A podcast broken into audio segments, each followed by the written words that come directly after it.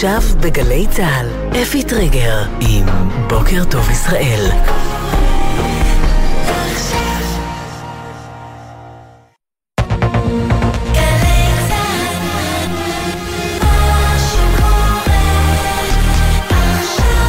צה"ל, שש בבוקר.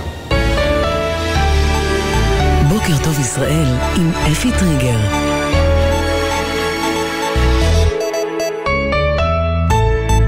שלום לכם, היום ה-13 למלחמה, צה"ל תקף הלילה שוב מטרות של חיזבאללה בלבנון בתגובה לירי רקטות וטילי נ"ט אתמול אל יישובי הצפון. במקביל, ההיערכות לכניסה קרקעית לרצועת עזה נמשכת. אמש נורו מטחי אה, רקטות לעבר אזור מרכז עם סיום ביקורו של נשיא ארצות הברית ג'ו ביידן בישראל. במהלך הביקור אישר קבינט המלחמה המצומצם את דרישת הנשיא ביידן להעביר סיוע הומניטרי בסיסי ממצרים לעזה, בתנאי שלא יועבר לחמאס. ראש הממשלה נתניהו הדגיש לאחר הביקור, לא נעביר סיוע הומניטרי משטח ישראל. דרשתי את החזרת החטופים, ואנחנו עובדים יחד להחזרתם בכל דרך אפשרית. שנית, אנחנו דורשים ביקורים של נציגי הצלב האדום אצל חטופינו. שלישית, לא נאפשר סיוע הומניטרי של מזון ותרופות משטחנו לרצועת עזה. ביידן אמר עם סיום ביקורו שהסיוע ההומניטרי יועבר לפלסטינים בעזה וביהודה ושומרון. People of Gaza need food, water, medicine, shelter. Today I asked the Israeli cabinet to agree to the delivery of life-saving humanitarian assistance to civilians in Gaza. Today I'm also announcing $100 million in new U.S. funding for humanitarian assistance in both Gaza and the West Bank. האנשים בעזה צריכים מזון, מים ותרופות, אמר ביידן. ביקשתי היום מהקבינט אה, בישראל להעביר סיוע הומניטרי חיוני לתושבי הרצועה, ובנוסף נעביר 100 מיליון דולר כסיוע הומניטרי לאזרחי עזה וגם לתושבי הגדה המערבית. במטה משפחות החטופים והנעדרים הגיבו בזעם להחלטה ואיימו בהחרפת המאבק. בזמן שיקירינו מוחזקים מתחת לאדמה, פצועים, ללא תנאים אנושיים, ממשלת ישראל מפנקת את הרוצחים והחוטפים בבקלאות ותרופות, מסרו. במקום לפעול לחיזוק האמון שנשבר, החליטו החליטו גורמים בממשלה לתקוע אצבע בעין של משפחות החטופים, כך תגובת מטה המשפחות. ביידן אמר לשרים בישיבת הקבינט המצומצם שארצות הברית תעביר לישראל סיוע צבאי בהיקף חסר תקדים. חבילת הסיוע צריכה לקבל תחילה את אישורו של הקונגרס, שנתון בקיפאון פוליטי. אבל יש הסכמה בין הדמוקרטים לרפובליקנים על הצורך להעניק לישראל את חבילת הסיוע. בשלוש לפנות בוקר שעון ישראל הלילה יישא ביידן נאום לאומה האמריקנית מהחדר הסגלגל, שבו הוא צפוי להתייחס למלחמה בין ישראל לחמאס. בדרכו חזרה לארצות הברית שוחח ביידן במטוס איירפורס 1 עם העיתונאים.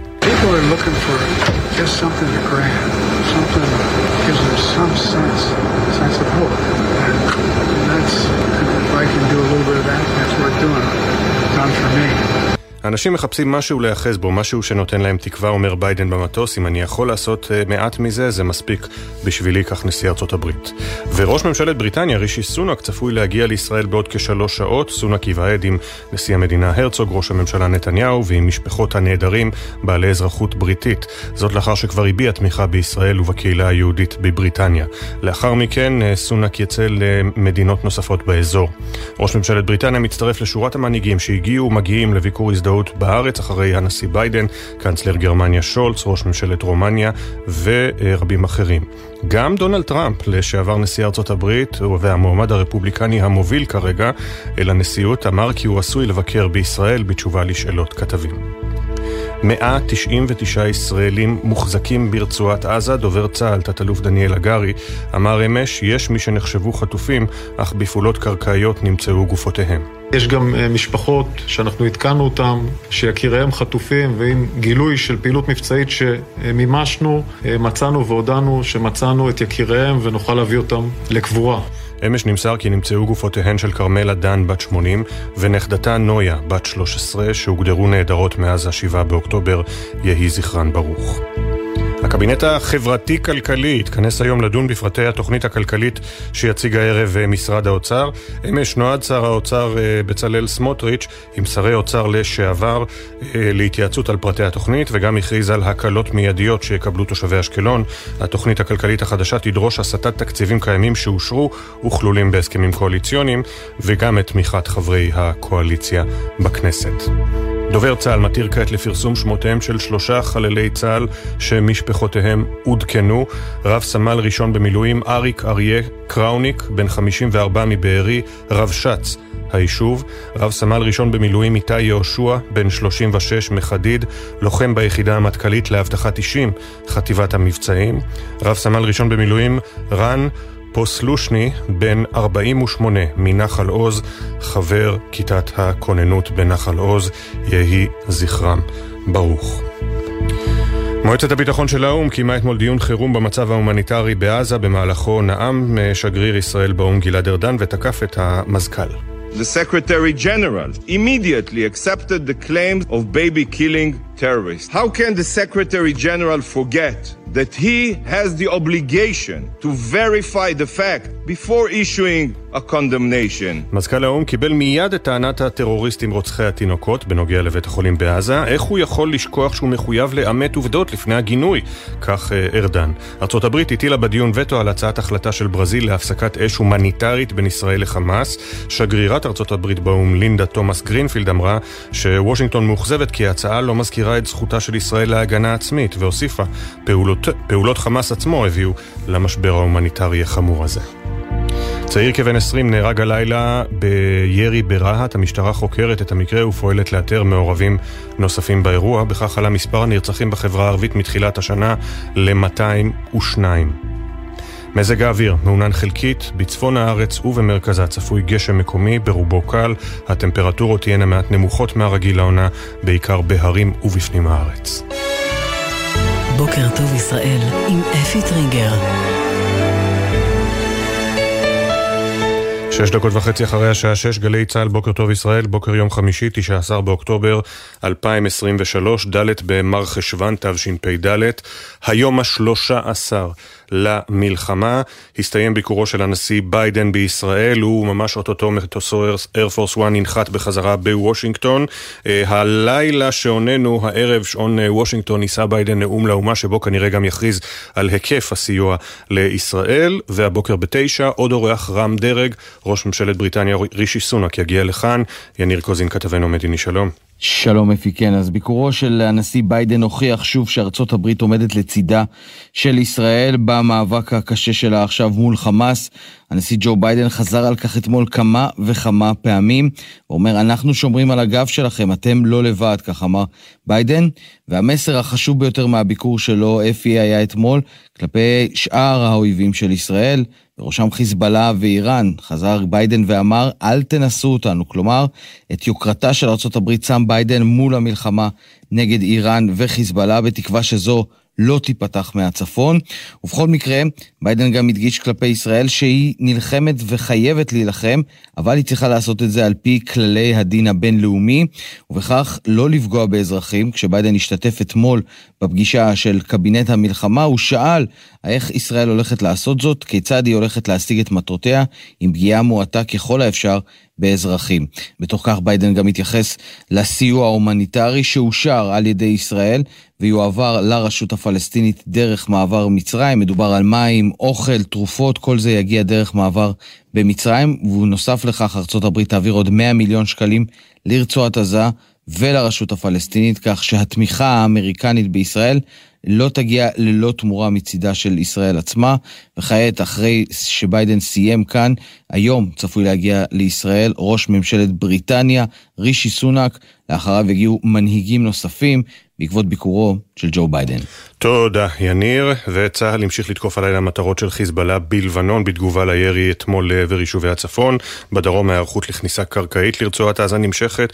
כתבנו לענייני צבא וביטחון דורון קדוש, בוקר טוב. בוקר טוב אפי, כן, אז אנחנו רואים הלילה תקיפה של צה"ל בשטח דרום לבנון, זה קרה בשעות האחרונות, הותקפו מטרות צבאיות של חיזבאללה, ביניהן עמדת תצפית לכיוון הים, שמתוך אותה עמדה שוגר נ"ט לעבר מוצב ראש הנקרה, ו... למטרות נוספות של חיזבאללה במרחב, כשצריך להגיד אפי היממה האחרונה, גם בזמן ביקורו של הנשיא ביידן, הייתה יממה מלאה בירי באש, בחילופי אש, יום קרב למעשה בצפון. ראינו עשרה טילי נ"ט שחיזבאללה שיגר, בנוסף תשע רקטות ששוגרו לעבר קריית שמונה, ירי מנשק קל על מוצבי צה"ל, ניסיון לפגוע בעמדות ובאמצעי התצפית והמצלמות של הצבא בגבול, ומקרים ואירועים נוספים. כשצריך להגיד, בזמן שבדרום בביקור ביידן היה יחסית רגוע, לא ראינו מטחים לעבר אזור המרכז, המטח הרחוק ביותר היה לעבר באר שבע. בצפון חיזבאללה המשיך לבצע ירי כל הזמן, בייחוד בזמן ביקורו של הנשיא ביידן, ממש בשעות שהביקור קרה. זה מעיד על משהו אולי, על איזשהו רמז של חיזבאללה, שהם מבחינתם לא אה, אה, מתרגשים מהניסיונות להרתיע אותם, אבל בכל אופן עדיין המצב בצפון נשמר כמצב שהוא מתחת לסף המלחמה. ישראל תוקפת כדי לנסות להרתיע בחזרה. בחזרה, והדברים האלה ממשיכים להתנהל שם כמובן עם החשש מהסלמה בצפון, כשבמקביל בדרום נערכים לקראת התמרון הקרקעי והכניסה לתוך רצועת עזה. תודה דורון. תודה. עשר דקות וחצי אחרי השעה שש, בוקר טוב ישראל. כאמור, צה"ל מתיר בדקות האחרונות לפרסום שמותיהם של שלושה חללי צה"ל נוספים מהמלחמה שמשפחותיהם עודכנו. רב סמל ראשון במילואים אריק אריה קראוניק, בן 54 מבארי, רבש"ץ היישוב. רב סמל ראשון במילואים איתי יהושע, בן 36 מחדיד, לוחם ביחידה המטכ"לית לאבטחת אישים, חטיבת המבצעים. רב סמל ראשון במילואים רן פוסלושני, בן 48 מנחל עוז. חבר כיתת הכוננות בקיבוץ. יהי זכרם ברוך, כאמור הודעות נמסרו למשפחותיהם. אתמול דיבר אה, דובר צה"ל, אה, תת-אלוף דניאל הגרי, על יותר מ-300 חללים אה, במלחמה שהודעות נמסרו למשפחותיהם, ו-199 משפחות שעודכנו שיקיריהן חטופים. העיתונים כמובן אה, בהתרגשות מביקורו החם של הנשיא ביידן ומההבטחות לעזרה. אה, נתחיל עם הארץ, שם הכותרת הפחות אה, רגשנית, יותר אינפורמטיבית. בביקורו בארץ ביידן הבטיח לקדם סיוע משמעותי לישראל ואמר שצה"ל לא תקף את בית החולים בעזה. צה"ל הציג תיעוד המראה שהוא אינו אחראי לפיצוץ, חיזבאללה ירה טילי נ"ט לגבול הצפון, מטחי הרקטות מהרצועה נמשכו. אמיר טיבון, הכתב של הארץ, שכמובן חווה את הזוועה בנחל עוז, עד שאביו, האלוף המילואים אה, נועם טיבון, הגיע לחלץ אותו, את ילדיו, אה, ילדיו, אה, בנותיו הקטנות ואת אשתו. היה בפגישה אתמול עם ג'ו ביידן, והוא כותב, פגשתי את המנהיג הציוני החשוב ביותר בעולם, הנשיא ביידן, אומר אמיר טיבון. המאמר, כתבה האישית שלו הבוקר בעמוד 4 בעיתון הארץ. אה, יוסי ורטר מפרשן ביידן טוב ליהודים. האיש הזקן שדיבר אתמול לצד ראש הממשלה היה עד לפני 13 יום אחד מיעדיה המועדפים של מכונת הרעל הימנו-ביביסטית. הסנטימנט בלשכת ראש הממשלה היה נחזיק מעמד עד נובמבר 2024. אחינו היקר דונלד טראמפ יחזור ואז נהיה חופשיים לנפשנו. לו היה ביידן עשוי מהחומר של טראמפ לא היינו רואים את ההתגייסות הזו שהיא לא פחות מהיסטורית. ועמוס הראל קורא לביקור הנשיא ביידן מגן צפוני, מהלך חסר תקדים שלווה בנאום שייכנס לדפי ההיסטוריה. בידיעות אחרונות, תמונת ענק של הנשיא ביידן אה, מחבק את אה, רחל מאופקים, כפי שכבר קוראים לה, רחל אדרי. אפשר לחבק אותך, שאל הנשיא ביידן בפגישה עם רחל אדרי מאופקים. אגב, אה, יש כבר סטיקר לוואטסאפ של אה, לילה טוב מביידן ורחל, אפשר לפנות אליי לקבל אותו. נחום ברנע כותב תודה, חבר. כמו שאומרים הילדים, הרפרור ברור לשלום חבר.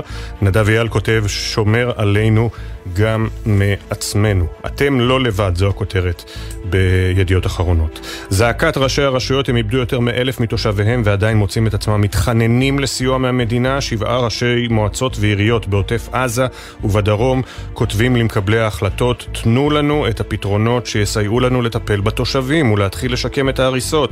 מתן צורי ואילנה קוריאל שמעו בין היתר את תומר גלם.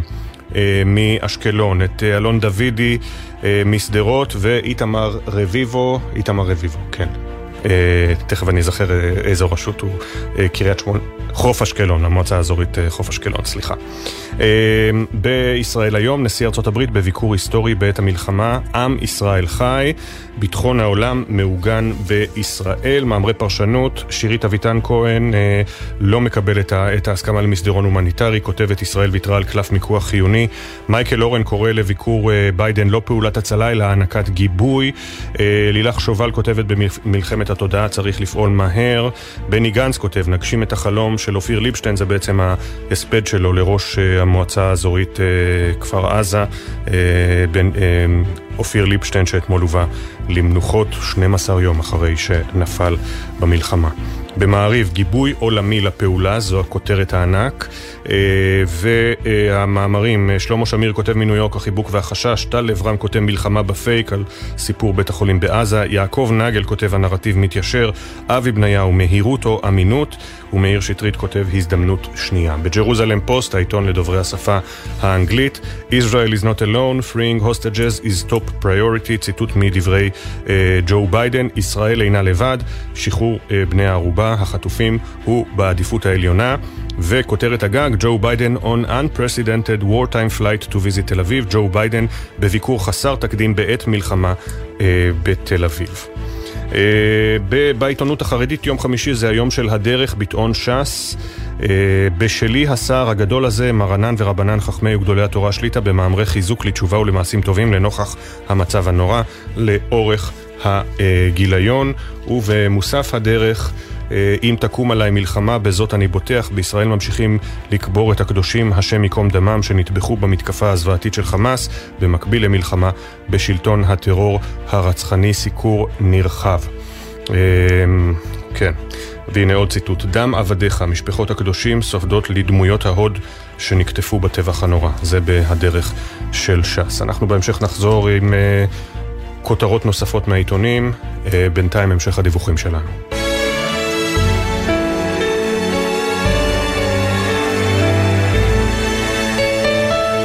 שש ושש עשרה דקות, בוקר טוב ישראל.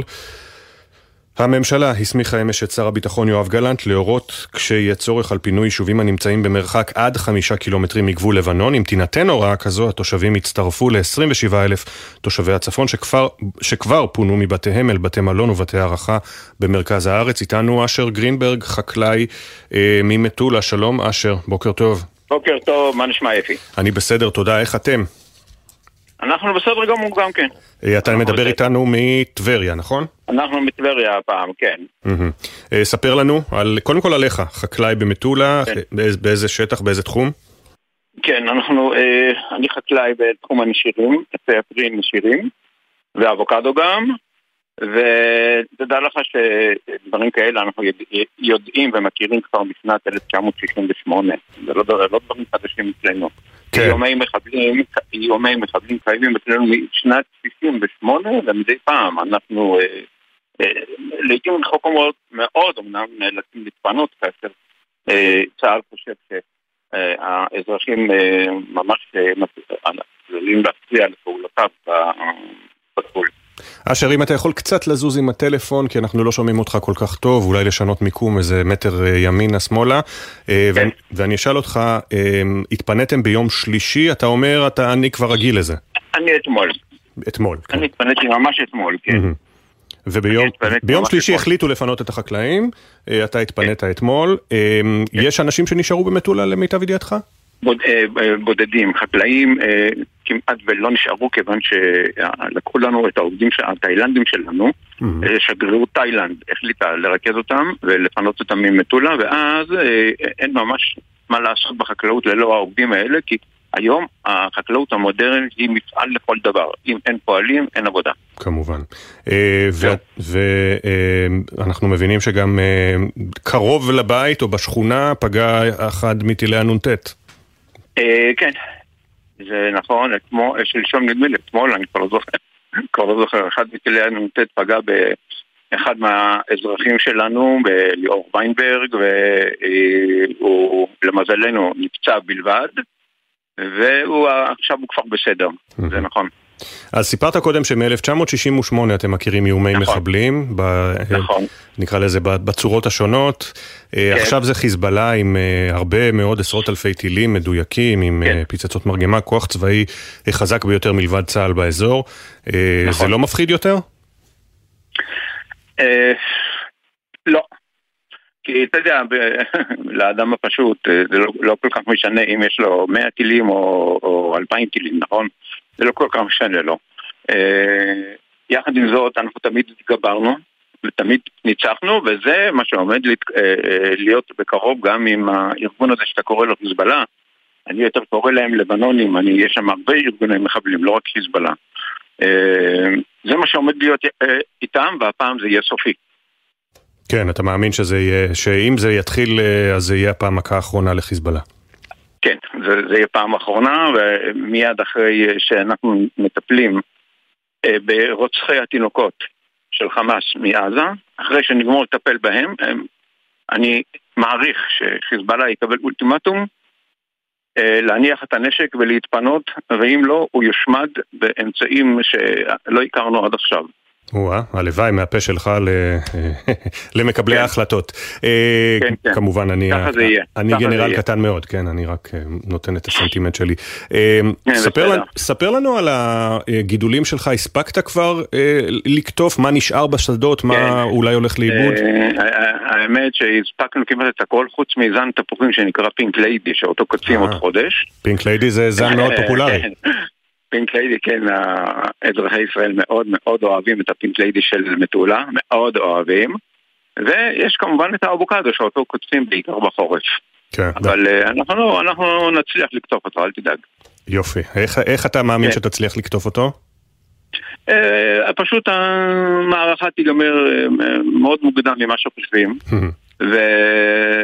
והתאילנדים יחזרו, כי בלי התאילנדים לא נוכל לעשות כלום. הבנתי. אולי יבואו הרבה מתנדבים לעזור לנו, וייתכן שאז כן נוכל לעשות. כי התאילנדים הם, אה, אתה יודע, זה דבר שנפל עליהם בהפתעה, הם לא ידעו את זה, והם מאוד מאוד חששו ופחדו. כן, חלק מאחיהם בדרום שהיו מטפלים אה, נפלו. כן. אה, אתה חושב שרוב תושבי מטולה, בין אלה שהתפנו, אלה שנשארו, חושבים כמוך, ש... אה, כן. לטפל בחיזבאללה כן, עכשיו? לפחות, אה, אני אגיד לך, מטולה אה, היא כבר בת 125, אם אני אינני טועה. ויש חבר'ה שאתה יודע, שהגיעו, בה, נגיד בעשור האחרון, אז אני לא כל כך יודע מה הם חושבים, אבל החבר'ה הוותיקים והחקלאים בוודאי, כולם חושבים שכך יהיה. שאנחנו נכריע אותם, נחסל את הסיפור הזה אחת ולתמיד. ולא לא, לא יהיה בלאגן כזה עוד פעם, זהו זה, אנחנו לא נרשה לדבר כזה לחיות לידינו. לא נרשה. אשר גרינברג, חקלאי ממטולה כן. שהתפנה עם אשתו למלון בטבריה, תודה רבה שדיברת איתנו, שיהיו ימים טובים. בבקשה, בוקר טוב. בוקר טוב. 6.22 בדיוק, רגע לפני ששקעה השמש אתמול, המוני אה, אוהבים ואבלים ליוו את אופיר ליבשטיין, זיכרונו לברכה, בדרכו האחרונה, בהם אה, גם נשיא המדינה יצחק הרצוג, השר בני גנץ וחברי כנסת מימין ומשמאל. ליבשטיין נקבר באבן יהודה קילומטרים רבים מביתו שכה אהב, ונפל בעודו מגן עליו עד נשימתו האחרונה. שירה שפי, כתבתנו, הייתה בהלוויה. בבוקר, שמחת תורה, יצאת למלחמה. מלחמה שאתה לא אוהב. אתה איש של שלום, שהקדיש את חייו לשלום. שיירות האוטובוסים והמכוניות, זרי הפרחים הרבים, הונחי לאנשים שהגיעו לבית העלמין, אולי הצליחו להראות במעט כמה אהוב היה אופיר ליבשטיין. ראש מועצת שער הנגב נפל ביומה הראשון של המלחמה כשיצא להגן על ביתו. קיבוץ כפר עזה. הוא היה חבר כיתת הכוננות, ובשל כך הוכר כחלל צה"ל. אלמנתו ורד עמדה לצד ארונו, ופנתה אליו במילים אחרונות. לימדת אותי לאהוב, לשמוח, לחיות באופטימיות בלתי נגמרת, וממש סמוך לבית שלנו, מתחת לעץ הזית היפה, היה לך מעצור בנשק, ונהרגת במקום. אמנם רצחו אותך, אבל לא גדלו את החלומות שלך, מבטיחים לך להמשיך ולהגשים את החלומות האופטימיים שלך. תן לנו כאן כוחות להחזיר את פיצי שלנו, שנוכל להיות משפחה כמעט מלאה. האיש של החזרתו מתפללת ורד הוא ניצן ליבשטיין, אחד מארבעת ילדיהם שעדיין נעדר. שמו של ליבשטיין היה הראשון שהותר לפרסום בשעות הבוקר של יום שבת. נשיא המדינה הרצוג ספד לו ושחזר את רגע קבלת הבשורה. אני זוכר את הבוקר הנורא שכבר ברור שכולם מותקפים ואני רק מחכה לשמוע שאופיר עולה לשידור. שיגיד משהו, שירגיע. השעות נוקפות ואני אומר למיכל שוב ושוב, אופיר לא מדבר, זה סימן רע, זה סימן רע מאוד. כי ברגעים האלה הקשים עיני כולם תמיד היו נשואות לאופיר. עוטף עזה זה 95% גן עדן ו-5% גיהנום, היה אומר אופיר. כעת, בימי גיהנום, הבטיח השר בני גנץ בהספדו כי הוא יהיה בין המיישבים מחדש את העוטף שנחרב. גן העדן ייבנה מחדש בנגב המערבי. ואני באופן אישי מתכוון לחיות בגן העדן הזה שנבנה במרחב הנגב המערבי. המלחמה תיקח חודשים, אבל הבנייה תיקח שנים. ורק כשהיא תושלם, אנחנו ננצח. היינו חמישה אחים, חמש אצבעות ואתה האגודל. אמר אחיו דורון וספד לו. לב של השראה, שסימל את כל מה שיפה בארץ הזאת. אתה הלב של המשפחה, שפועם בכל כך הרבה מעגלים, בארץ ובעולם כולו. ידענו שהיכן שאתה נמצא, אתה בטוח ואנחנו בטוחים לצדך. אנחנו בהוקרה על הלב הזה שזכינו בו, גם אם זה רק לחמישים שנה. אופיר ליבשטיין הותיר אחריו אישה, ארבעה ילדים, ומועצה אזורית אחת, שיודעת שהעומד בראשה הגן עליה עד הרגע האחרון. אלה היו קולות מהלוויה של אופיר אה, ליבשטיין, אנחנו נדבר עם אה, ממלא מקומו בשעה הבאה של בוקר טוב ישראל. עכשיו נרפרף לרגע על כותרות העיתונים הכלכליים. אה, אין דרך אחרת להגדיר את הכותרת הבאה כמרתיחת דם. פרויקטים ממשלתיים בהיקף של 6 מיליארד שקל תקועים אצל משה גפני, או כפי שכתוב בעמוד 4, משה גפני מעכב 6 מיליארד שקל כקלף פוליטי, זה בכלכליסט, אדריאן פילוט מביא את הפרטים הללו. כשהכספים הקואליציוניים לחרדים בהיקף מיליארדי שקלים נמצאים תחת בחינה, יושב ראש ועדת הכספים, משה גפני, מסרב לאשר העברת תקציבים המיועדים לפרויקטים ממשלתיים שכבר יצאו לדרך, ובהם סיוע לניצולי שואה ושדרוג טכנולוגיות למשטרה. יוגב גרדוס, הממונה על התקציבים במשרד האוצר, דורש את שחרורם המיידי. לעקוף את גפני, קוראים, קורא רועי ברגמן במאמר שמופיע לצד הידיעה המרתיחה הזו, הסטת כספים קואליציוניים לצורכי הביטחון ושיקום עוטף עזה תחייב אישור של ועדת הכספים והיו"ר שלה משה גפני. אסור שהאינטרסים המפלגתיים הצרים שהנחו אותו בקדנציה הנוכחית יטרפדו את המהלך החיוני לשיקומה של ישראל. פרויקטים ממשלתיים בהיקף של 6 מיליארד שקל תקועים אצל יושב ראש ועדת הכספים משה גפני. לא ישירות לגבי המלחמה, אבל דברים שכבר תוקצבו. הוא תוקע אותם כי הוא חושש שיבטלו את הכספים הקואליציוניים לחרדים, זו מהות הידיעה הזו. בין היתר, שימו לב, הוא תוקע העברת 12 מיליון שקל לרשות לזכויות ניצולי שואה. ראש הממשלה, בבקשה להתעורר.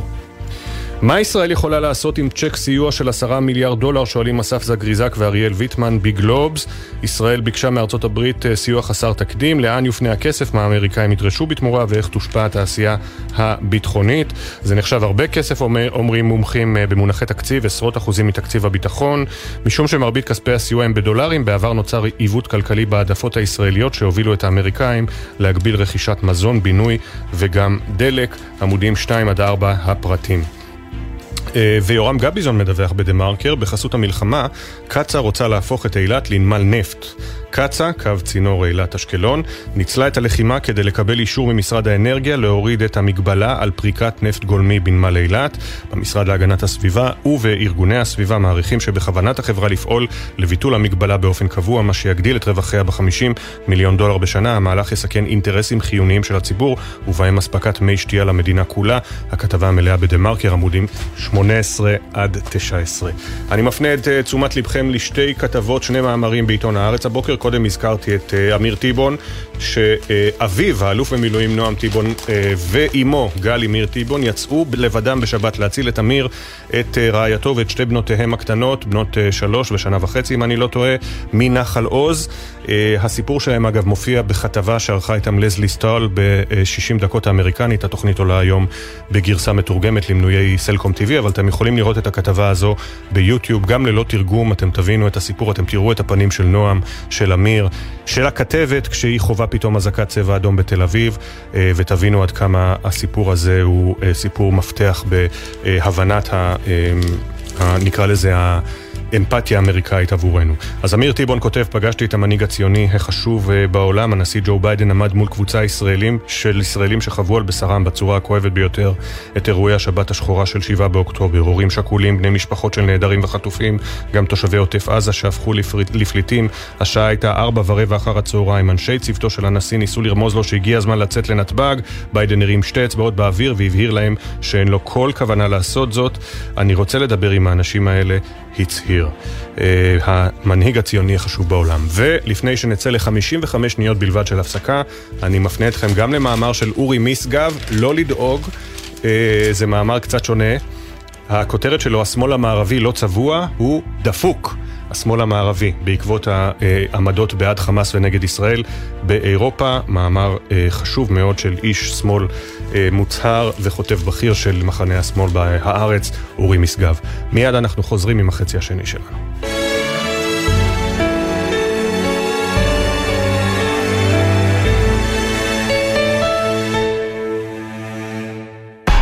אתם מאזינים לגלי צה"ל. מאחורי השמות, בוקר טוב ישראל חולקת כבוד לנרצחים ולנופלים. תמיד עם חלומות משוגעים, חיוך ממזרי וחולצה להחלפה. וחלמה לעזור לילדים עם מוגבלויות באמצעות תרפיה עם כלבים. מפעל חייו היה הרפת. בכל בוקר נספר משהו קצר, פרט מידע, אירוע או חוויה שישפכו אור על מי שהיו ואינם עוד. בני משפחה וחברים המעוניינים לחלוק עמנו בסיפורים ובתמונות מוזמנים לעשות זאת באמצעות הדואר האלקטרוני. זיכרון כרוכי glz.co.il מאחורי השמות, מדי יום ביומן הבוקר של גלי צה"ל עם אפי טריגר. עכשיו בגלי צה"ל, אפי טריגר עם בוקר טוב ישראל. שש ושלושים הכותרות. היום השלושה עשר למלחמה, צה"ל הוסיף לתקוף הלילה מטרות של חיזבאללה בלבנון בתגובה לירי רקטות וטילי נ"ט אמש לעבר יישובי הצפון. במקביל, ההיערכות לכניסה קרקעית לרצועת עזה נמשכת. הבוקר מתיר צה"ל לפרסם שמותיהם של שלושה חללי צה"ל נוספים. הודעות נמסרו למשפחותיהם. רב סמל ראשון במילואים אריק אריה קראוניק, בן 54 מבארי, רב ש"צ הקיבוץ. רב סמל ראשון במילואים איתי יהושע, בן 36 מחדיד, לוחם ביחידה מטכ"לית לאבטחת אישים, חטיבת המבצעים, רב סמל ראשון במילואים רן פוסלושני, בן 48 מנחל עוז, חבר כיתת הכוננות ביישוב. אמש נורו מטחי רקטות לעבר אזור המרכז עם סיום ביקורו בישראל של נשיא ארצות הברית ג'ו ביידן. במהלכו אישר קבינט המלחמה את אה, דרישת נשיא ארצות הברית להעביר סיוע הומניטרי בסיסי ממצרים לעזה, בתנאי שלא יועבר לחמאס. ראש הממשלה נתניהו הדגיש לאחר הביקור, לא נעביר סיוע הומניטרי משטח ישראל. דרשתי את החזרת החטופים, ואנחנו עובדים יחד להחזרתם בכל דרך אפשרית. שנית, אנחנו דורשים ביקורים של נציגי הצלב האדום אצל חטופינו. שלישית, לא נאפשר סיוע סיוע הומניטרי של מזון ותרופות משטחנו לרצועת עזה. ביידן אמר עם סיום ביקורו שהסיוע ההומניטרי יועבר לפלסטינים בעזה וגם ביהודה ושומרון. The people of Gaza need food, water, medicine, shelter. Today, I asked the Israeli cabinet to agree to the delivery of life-saving humanitarian assistance to civilians in Gaza. Today, I'm also announcing $100 million in new U.S. funding for humanitarian assistance in both Gaza and the West Bank. האנשים בעזה צריכים מזון, מים, תרופות, מקום מחסה, אמר ביידן. ביקשתי מהקבינט הישראלי להעביר סיוע הומניטרי חיוני לתושבי הרצועה. בנוסף, נעביר עוד 100 מיליון דולר גם לאזרחי עזה וגם לתושבי הגדה המערבית, כך ביידן. במטה משפחות החטופים והנעדרים הגיבו בזעם, בזמן שיקירינו מוחזקים מתחת לאדמה, פצועים, ללא תנאים אנושיים, ממשלת ישראל מפנקת את הרוצחים והחוטפים בבקלאות ותרופות. במקום לפעול לחיזוק האמון שנשבר, החליטו גורמים בממשלה לתקוע אצבע בעין של משפחות החטופים, כך תגובת מטה המשפחות. ביידן אמר לשרים בישיבת קבינט המלחמה המצומצם שארצות הברית תעביר לישראל סיוע צבאי חסר תקדים. חבילת הסיוע דורשת את אישורו של הקונגרס שנתון בקיפאון פוליטי, אבל אמורה להיות הסכמה בין הדמוקרטים לרפובליקנים על הצורך להעניק לישראל את חבילת הסיוע. ראש ממשלת בריטניה רישי סונאק יגיע לישראל הבוקר בתשע. סונאק ייוועד עם הנשיא הרצוג וראש הממשלה נתניהו וגם עם משפחות הנעדרים בעלי אזרחות בריטית. לאחר מכן אה, יצא למדינות נוספות באזור. הוא מצטרף לשורת המנהיגים שהגיעו לביקורי הזדהות בארץ אחרי נשיא ארצות הברית ביידן, קאנצלר גרמניה שולץ, ראש ממשלת רומניה ואחרים. גם דונלד טראמפ, לשעבר נשיא ארצות הברית והמועמד הרפובליקני המוביל במרוץ כיום שבמפלגה, אמר בתשובה לשאלות כתבים כי הוא עשוי לבקר בישראל. יש לנו עדכון תנועה אחד לנהגים מגלגלצ, כביש 444 דרומה, עמוס מצומת צור יצחק עד כוכב יאיר. מזג האוויר מעונן חלקית, בצפון הארץ ובמרכזה צפוי גשם מקומי ברובו קל. הטמפרטורות תהיינה מעט נמוכות מהרגיל לעונה, בעיקר בערים ובפנים הארץ.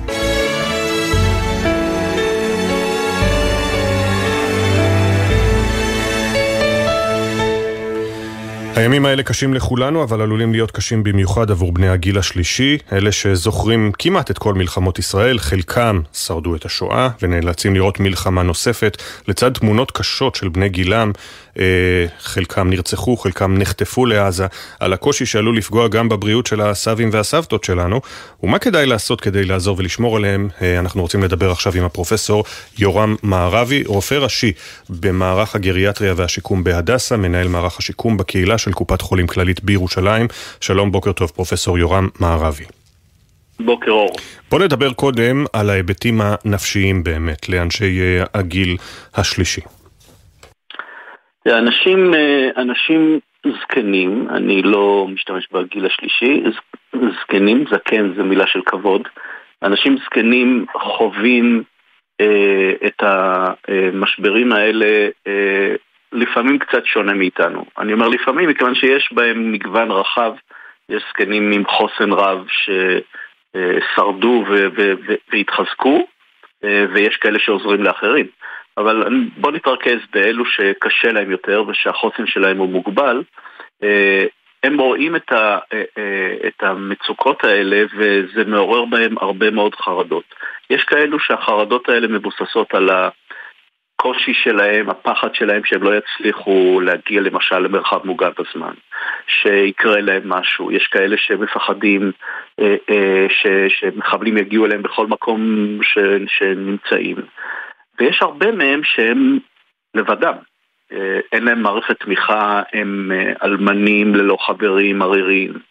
אה, כדי להתמודד עם הקושי הנפשי הזה צריך לעודד אותם לכמה דברים. אחד, דבר ראשון זה קודם כל לדאוג שיהיה, ש, שיהיה סדר יום, שהכל יהיה מלא במשימות ומטלות וכולי, לקום בשעות קבועות, לאכול את ארוחת הבוקר, לעשות את המנוחות וכולי.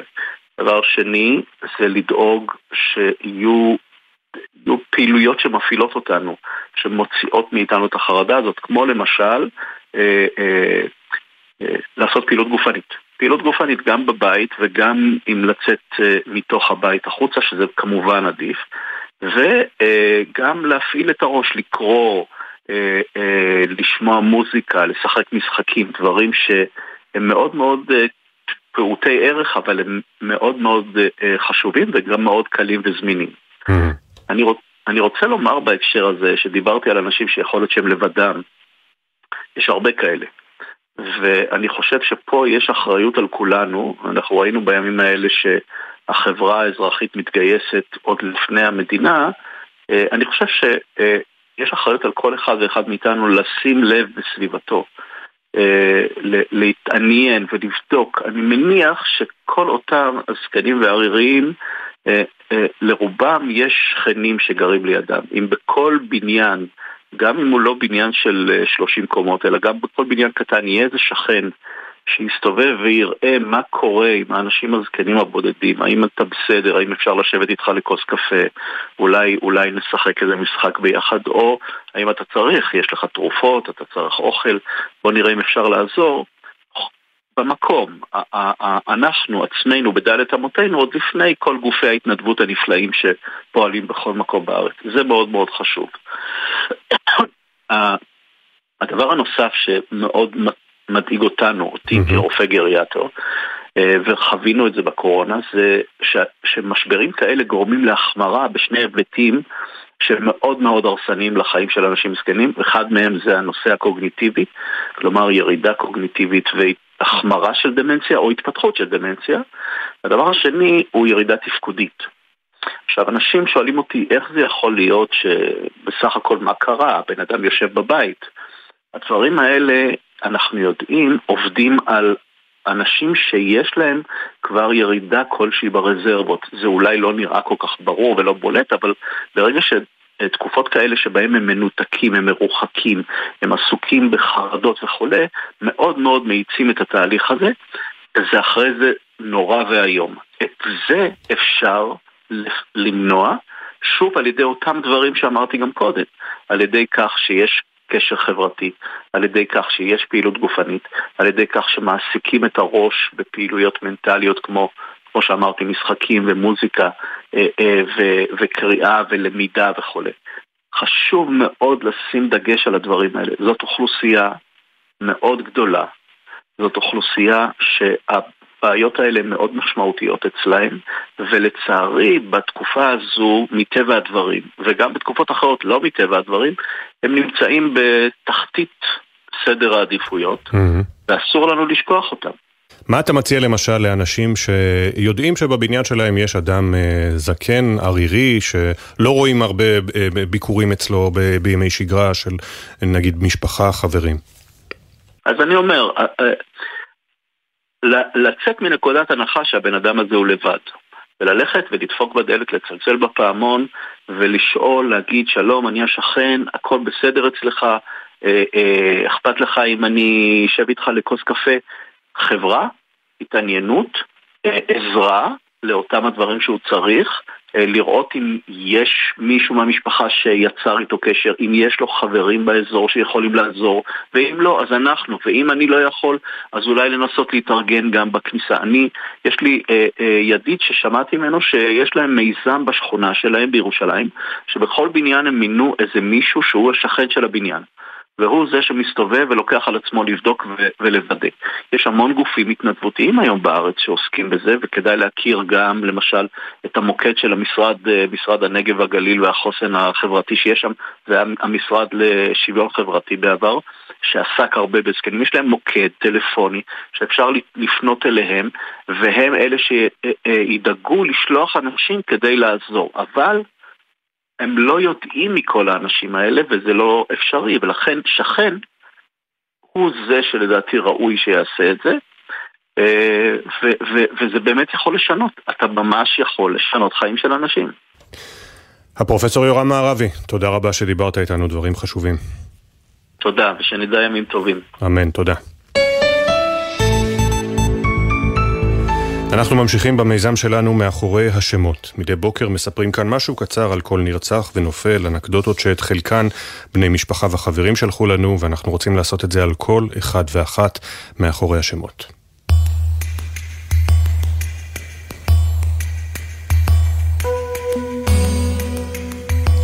ראובן הייניק נרצח ברפת שניהל שנים רבות בקיבוץ כיסופים, בעודו מסכן את עצמו כי פשוט לא יכול היה להותיר את הפרות ללא אוכל ומים.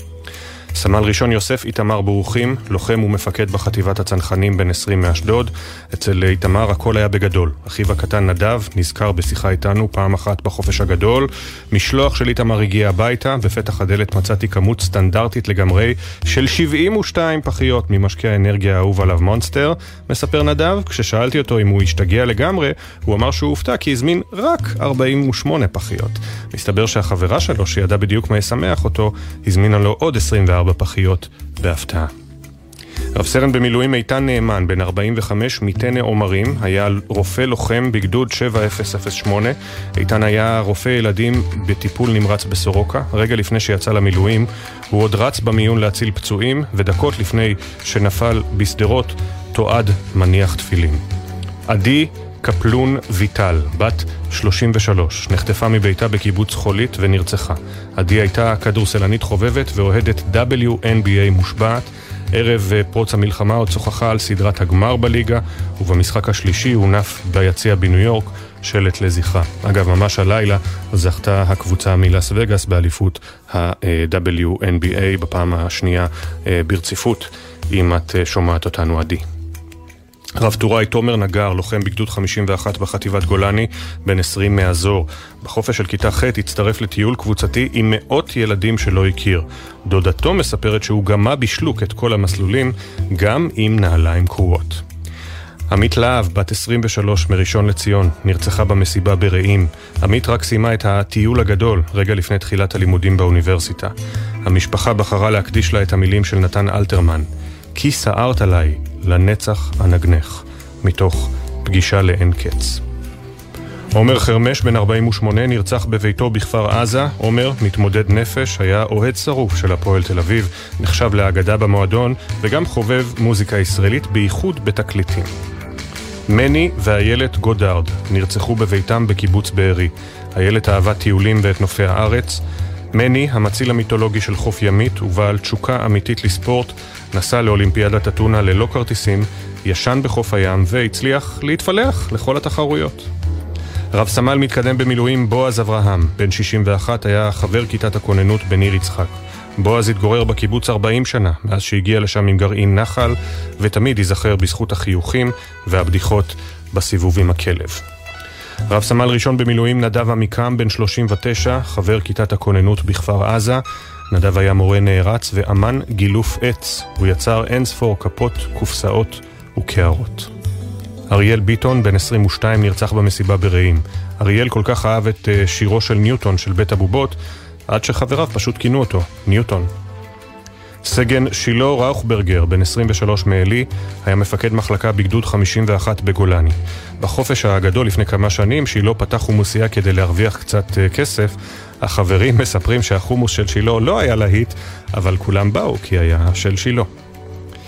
אלין קפשיטר, בת שמונה מדימונה, נרצחה עם הוריה ואחיה בחזרה מטיול משפחתי. אלין אהבה מאוד ספורט, במיוחד טניס. משפחת בויום מבארי איבדה את האב גיל, רב סמל בכיר במילואים, חבר כיתת הכוננות בקיבוץ, ואת הבן ענבר, בן 22, שנרצח בדרכו להגן עליהם. אחרי הטבח, גילתה המשפחה שכל התמונות שסומנו בלב בטלפון של גיל היו אך ורק שלהם יחד. ענבר היה אח גדול מגונן, ואחותו נזכרת איך תמיד היה מניח את ידו עליה ברחוב ומזהיר בחיוך עד גיל 18 שאף אחד לא יתחיל איתך. עדיאל עדי טוויטו נרצחה במסיבה ברעים. היא נהגה לאסוף בגדים ומזון למשפחות מעוטות יכולת ולגייס תרומות למחוסרי דיור. תת-ניצב בדימוס יזהר פלד, אשתו גילה ובנם דניאל נרצחו בקיבוץ מגוריהם, כפר עזה. יזהר כיהן בתפקידו האחרון כמפקד משמר הגבול ביהודה ושומרון. פקודיו מספרים שמתחת למדים גילו אדם מלא הומור. גילה הייתה האחות של הקיבוץ, ועבדה בשביל המטופלים 24/7, גם ביום כיפור. דניאל, ילד הסנדוויץ' מתוך ארבעה אחים, הלך בעקבות אמו וחלם ללמוד רפואה. דרור בהט, בן 30 מבית אלפא, נרצח במסיבה ברעים. דרור תכנן ובנה את התפאורה למסיבה. הוריו, אלה ועידן, מספרים לנו שבכך הוא שילב את היצירתיות שלו עם יכולותיו הטכניות וכמובן האהבה למסיבות. מאיה בן דוד נרצחה בכפר עזה, היא דגלה באורח חיים בריא והאמינה במיוחד בסגולות צמח המורינגה. מאיה עבדה בטיפוח ענף הגידול של מזון העל, הסופר פוד, בין היתר בעצים שנשתלו בעמק חפר, נוף ילדותה. אביאל רחמים מהיישוב מרכז שפירא היה אוהד שרוף של בית"ר ירושלים. בהלווייתו סיפרו שיום אחד כשראה אישה שאספה בקבוקים ברחוב, יצא אליה ורקד איתה. עמית מן, פרמדיקית מגן דוד אדום בת 22 מנתיבות, נרצחה בעודה מטפלת במרפאה בבארי בפצועים מהטבח בקיבוץ. לעמית היה קול של זמיר, והיא ניצלה כמעט כל רגע פנוי לשיר. סלין בן דוד נגר נרצחה במסיבה ברעים כשיצאה לחגוג יום לפני סיום חופשת הלידה שלה. סלין החדה ניהלה משרד עורכי דין והייתה אחראית גם על המורל בכל אירוע וטיול. אביתר קיפניס נרצח בקיבוץ בארי. טרי תמיד אהב את הים, עוד מילדותו במעגן מיכאל, דרך קורס החובלים ועד להפלגות עם המשפחה שהתרחבה. הפנים והשמות. נזכיר שבני משפחה וחברים יכולים ומוזמנים לשלוח לנו סיפורים ותמונות, לכתוב את האימייל זיכרון.glz.co.il סליחה, אמרתי בטעות נקודה, זיכרון שטרודל glz.co.il זיכרון שטרודל glz.co.il, ותודה לכתבותינו תמר שונמי ואנה פינס שמביאות את הסיפורים לשידור מדי אה, בוקר. עכשיו אנחנו אה, בפינת הפרשנים שלנו, על אף ההוכחות החד משמעיות שסיפק אה, צה"ל, ולא רק צה"ל, גם כלי תקשורת בישראל כמו חדשות 12 לעולם כולו, ועל אף העובדה שארצות הברית ובריטניה מקבלות באופן מלא את uh, הגרסה הישראלית בנוגע לאירוע בבית החולים אל-אהלי בעזה שלשום. יש עדיין יותר מדי כלי תקשורת uh, ש... עדיין אה, מדברים על גרסה מול גרסה, או שקיבלו באופן אוטומטי מהיר מדי את הגרסה של ארגון שהוא לא רק רצחני, אלא כידוע גם שקרן מדופלם בשם חמאס. אנחנו רוצים לדבר עם עיתונאים ישראלים בתקשורת הזרה, ש...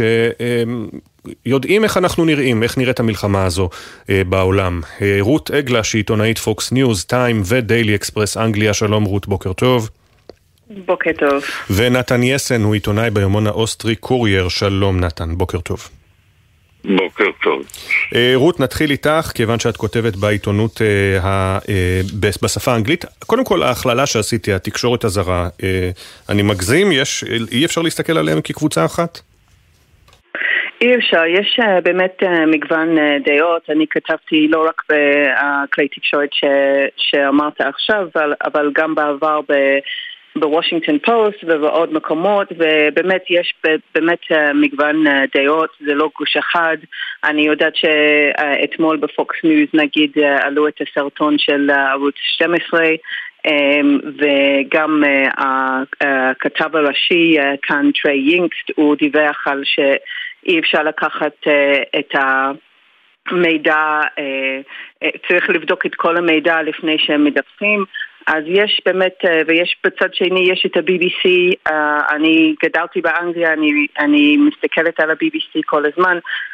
הם לא מוכנים עדיין לקרוא לחמאס מחבלים, אומרים שהם מיליטנט, אז uh, באמת יש uh, מגוון uh, מאוד רחב של כלי תקשורת הבינלאומי. אז בואי נשאר רגע על ה-BBC ועל התקשורת הבריטית. התחושה כאן אצלנו היא שהיא ברובה, בוודאי ה-BBC, אבל לא רק ה-BBC, התקשורת הבריטית עוינת את ישראל. זו תחושה נכונה?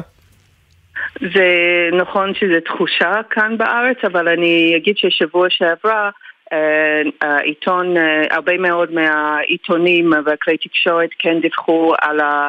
טבח בדרום, אה, הרבה מאוד אנשים, הרבה מאוד אה, עיתונאים הסתובבו עם צה"ל וראו את ה... ושמעו את הסיפורים וראו את המצב בדרום ואפילו אה, בשער של האינדיפנדנט היה תמונות שאני לא זוכרת שהיה כאלה תמונות על השער, על הגופות של, של אלה שנרצחו בדרום. אה, נתן אה, יסן, כאמור עיתונאי ביומן האוסטרי קורייר. קודם כל, אה, למשל באוסטריה, אנחנו עדיין בכותרות 13 יום אחרי? לא שמעתי אותך, לצערי, עדיין... בכותרות? הם מדווחים עוד על ישראל? בטח שהכותרות. זאת אחד הסימנים של המהלך הפעם. הכמות היא מאוד מאוד עלתה. אבל אני הייתי אומר שגם אה, עיתונים או תחנות טלוויזיה שהיו בעבר תמיד כידועים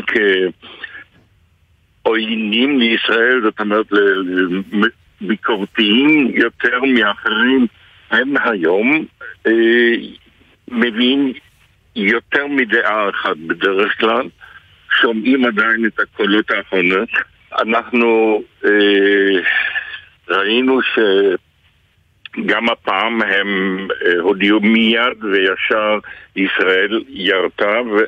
אבל גם מהר מאוד וגם אה, בעקבות דובר צה"ל שהפעם הגיב מאוד מהר, אנחנו, אה, הם אה, הביאו גם את הצד השני ואני הייתי אומר לא רק אה, משווים לא יודעים כרגע במדויק מי ירה, אלא אני חושב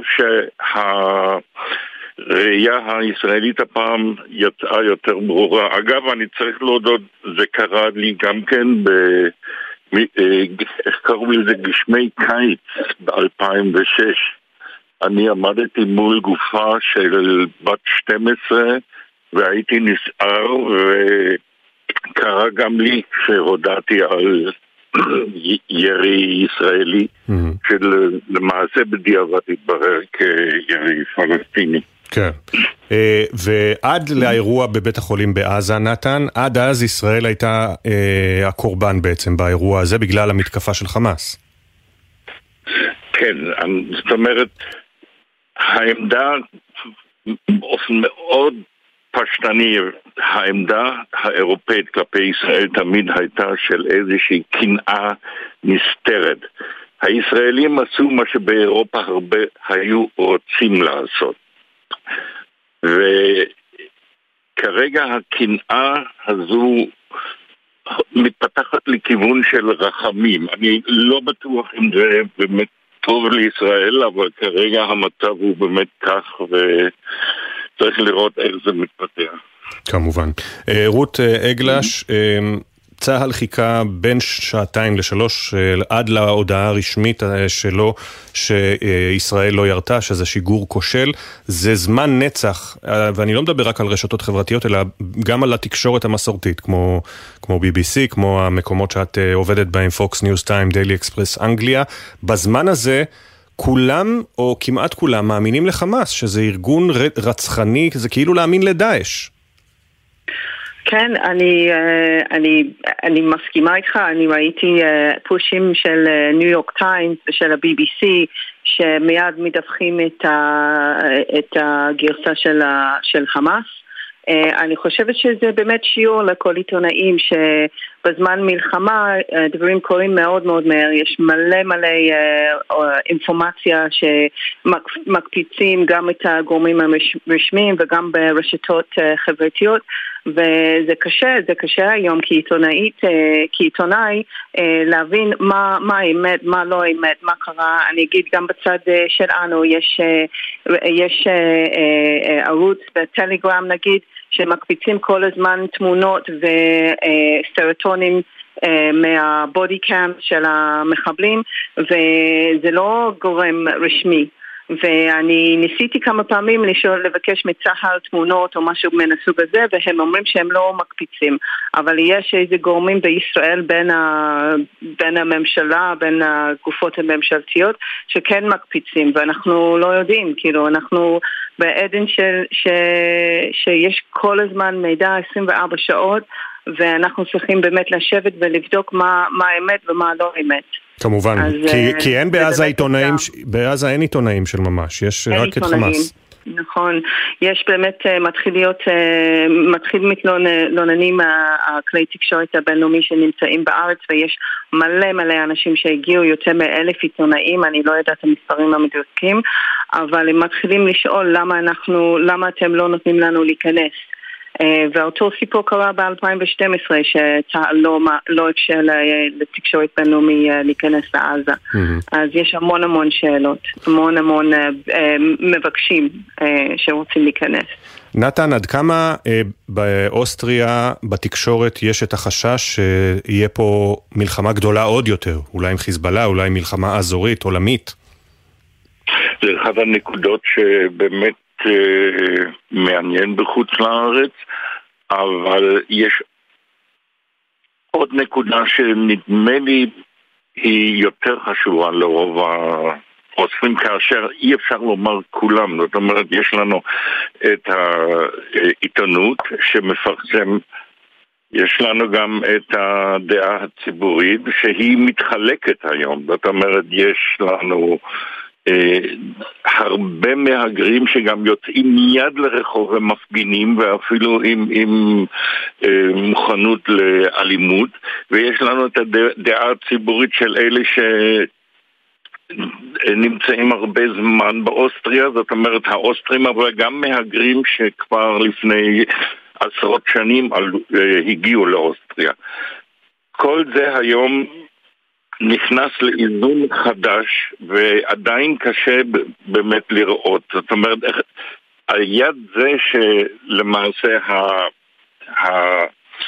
הסכנה של מלחמה גדול, גלובלית היא איכשהו מאוד חשוב, אה, אה, חשובה בפרסומים, אנחנו רואים גם את ה...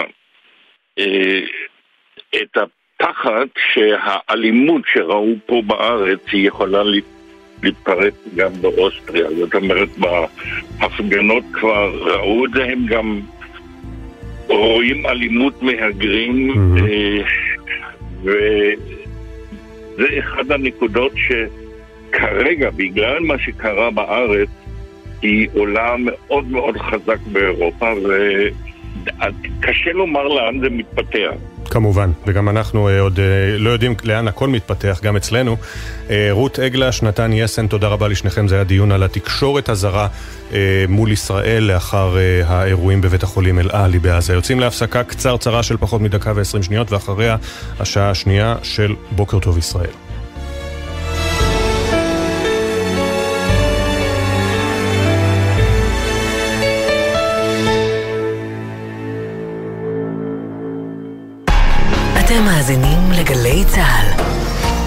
בהישמע אזעקה בזמן נהיגה, יש לעצור את הרכב בבטחה ולהיכנס מיד למרחב מוגן. בהיעדר מרחב מוגן סמוך, יש להתרחק ככל האפשר מהכביש, לשכב על הקרקע ולהגן על הראש בידיים. בכביש בין עירוני, ייצרו בזהירות בצד הדרך, רחוק ככל האפשר מהכביש, הדליקו אורות חירום, שכבו על הקרקע מעבר למעקה הבטיחות והגנו על הראש בידיכם. לאחר עשר דקות אפשר לחזור לרכב ולהשתלב בזהירות בתנועה.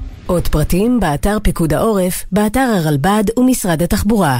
גלי צה"ל מזמינה אתכם להצטרף למאמץ המשותף למען התושבים בקו האש במיזם המיטה החמה של גל"צ וגלגלצ. באמצעות מוקד הפניות שלנו נחבר בהתאם לצורך וליכולת בין אזרחים ללא פתרונות לינה בעקבות המצב לבין אלה המוכנים ויכולים לסייע.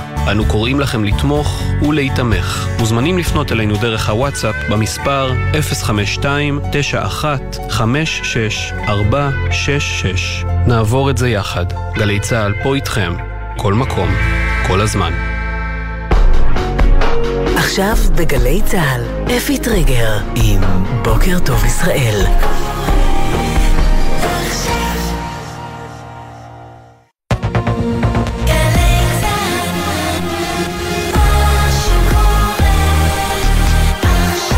שבע בגלי צה"ל נתן אשראי ושילם במזומן. בהצהרה נוספת שתיזכר לשנים, נעל נשיא ארצות הברית ג'ו ביידן את ביקור הבזק שלו בארץ עם הבטחה להמשיך לעמוד לצד ישראל וגם עם התחייבות של ישראל לאפשר כניסת סיוע הומניטרי לעזה, מה שהכעיס את משפחות החטופים והנעדרים. זה פשוט להפקיר, להפקיר את, ה, את הילדים שלנו, את הסבים שלנו, את האחים שלנו. נהיה עם אלון אושפיז, לשעבר מנכ"ל משרד החוץ. חזרה לשגרת לחימה עם הזיווה עזיבת הנשיא ביידן התחדשו גם המטחים הכבדים לעבר הדרום והמרכז, והלחימה בצפון אה, מתעצמת. הדס שטייף כתבתנו ליוותה את לוחמי משמר הגבול בגבול לבנון, ונהיה עם העדכונים לקראת הכניסה הקרקעית הצפויה של צה"ל בעזה. שמרה על הבית. תמיד חשבתי, ועוד אחרי השביעי לאוקטובר 2023, אני חושבת עוד יותר, שזה לא משנה אם אתה בן, אם אתה בת, משנה בסוף הערכים שיש בך. סיפורה של המג"דית ירדן שוקרון שנלחמה במחבלים בעוטף עזה, כתבנו הצבאי דורון קדוש התלווה אליה לשחזור חילוץ בני הערובה בעיר מגורי האופקים ושמע ממנה על ההכנות לקראת התמרון הקרקעי. הגוף על המגרש, הלב בבית. השארנו מאחורינו את המדינה, את המשפחות, וידענו שאנחנו באים לפה שליחות לשמח. הספורט הישראלי חוזר לאט לאט וכתבנו יוני זילברמן עם השחקנים והאוהדים שמספרים על המורכבות לשחק ולצפות במשחקים בעת מלחמה. בוקר טוב ישראל. בוקר טוב ישראל עם אפי טריגר. שלום לכם, היום השלושה עשר למלחמה, צה"ל הוסיף לתקוף הלילה מטרות של ארגון חיזבאללה בלבנון בתגובה לירי רקטות וטילי נ"ט אתמול לעבר יישובי הצפון. במקביל, נמשכת ההיערכות לכניסה קרקעית לרצועת עזה. הבוקר מתיר צה"ל לפרסם את שמותיהם של שלושה חללי צה"ל נוספים, הודעות נמסרו למשפחותיהם. רב סמל ראשון במילואים אריק אריה קראוניק, בן 54 מבארי, רבש"ץ היישוב. רב סמל ראשון במילואים איתי יהושע, בן 30 26, מחדיד, לוחם ביחידה המטכ"לית לאבטחת אישים, חטיבת המבצעים. רב סמל ראשון במילואים, רן פוסלושני, בן 48, מנחל עוז, חבר כיתת הכוננות ביישוב. אמש, לאחר אה, סיום ביקורו של אה, הנשיא ביידן בישראל, נורו מטחי רקטות לעבר אזור המרכז. במהלך הביקור אישר קבינט המלחמה את דרישת ביידן להעביר סיוע הומניטרי בסיסי ממצרים לעזה, בתנאי שלא יגיע לחמאס. ראש הממשלה נתניהו הדגיש לאחר הביקור לא יועבר סיוע משטח ישראל. דרשתי את החזרת החטופים, ואנחנו עובדים יחד להחזרתם בכל דרך אפשרית. שנית, אנחנו דורשים ביקורים של נציגי הצלב האדום אצל חטופינו. שלישית, לא נאפשר סיוע הומניטרי של מזון ותרופות משטחנו לרצועת עזה. עם סיום ביקורו אמר נשיא ארצות הברית שהסיוע ההומניטרי יועבר גם לעזה וגם ליהודה ושומרון. people of Gaza need food, water, medicine, shelter. Today I asked the Israeli cabinet to agree to the delivery of life-saving humanitarian assistance to civilians in Gaza. Today I'm also announcing $100 million in new U.S. funding for humanitarian assistance in both Gaza and the West Bank. האנשים בעזה צריכים מזון, מים, תרופות ומקום מחסה, אמר ביידן. ביקשתי היום מהקבינט הישראלי להעביר סיוע הומניטרי חיוני לתושבי הרצועה. בנוסף, נעביר 100 מיליון דולר גם לאזרחי עזה וגם לתושבי הגדה המערבית, כך ביידן. במטה משפחות החטופים והנעדרים הגיבו בזעם, בזמן שיקירינו מוחזקים מתחת לאדמה, פצועים, ללא תנאים אנושיים, ממשלת ישראל מפנקת את הרוצחים והחוטפים בבקלאוות ותרופות. במקום לפעול לחיזוק האמון שנשבר, החליטו גורמים בממשלה הממשלה לתקוע אצבע בעין של משפחות החטופים, תגובת מטה המשפחות. ביידן אמר לשרים בישיבת הקבינט המצומצם שארצות הברית תעביר לישראל סיוע צבאי חסר תקדים. חבילת הסיוע אה, טעונה אישור של הקונגרס שנתון בקיפאון פוליטי, אבל אה, אמורה להיות הסכמה בנושא בין הדמוקרטים לרפובליקנים. ביידן ירחיב על כך בנאום שיישא לאומה האמריקנית הלילה בשלוש לפנות בוקר שעון ישראל. ראש ממשלת בריטניה רישי סונאק יגיע לישראל בעוד כשעתיים. סונאק ייוועד עם ראש הממשלה נתניהו, הנשיא הרצוג וגם עם משפחות הנעדרים בעלי אזרחות בריטית. לאחר מכן יצא למדינות נוספות באזור. ראש ממשלת בריטניה מצטרף לשורת המנהיגים שהגיעו לביקור הזדהות בארץ אחרי נשיא ארצות הברית ביידן, קנצלר גרמניה שולץ, ראש ממשלת רומניה ורבים אחרים. גם דונלד טראמפ, לשעבר נשיא ארצות הברית, אמר כי הוא עשוי לבקר בישראל בתשובה לשאלות כתבים. 199 ישראלים מוחזקים ברצועת עזה.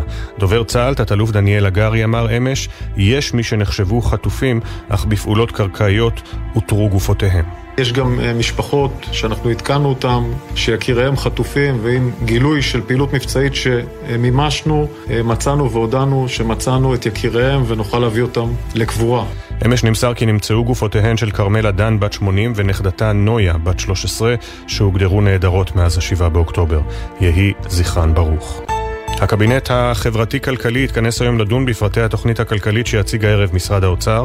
אמש אה, קיים שר האוצר סמוטריץ' פגישת התייעצות עם אה, קודמיו בתפקיד וגם הכריז על הקלות מיידיות לתושבי אשקלון. התוכנית הכלכלית החדשה תדרוש הסטת תקציבים קיימים שאושרו וכלולים בהסכמים קואליציוניים וגם כמובן את תמיכת חברי הכנסת. בקואליציה מיד אה, נהיה עם ממלא מקום ראש מועצת שער הנגב יוסי קרן על הסיוע הכלכלי לתושבי העוטף ולשיקום היישובים. עדכוני אה, תנועה מגלגלצ, כביש 444 דרומה, עמוס מצומת צור יצחק עד כוכב יאיר, ומזג האוויר מעונן חלקית בצפון הארץ ובמרכזה צפוי גשם מקומי ברובו קל. הטמפרטורות תהיינה מעט נמוכות מהרגיל לעונה, בעיקר בערים ובפנים הארץ. בוקר טוב ישראל עם אפי טריגר.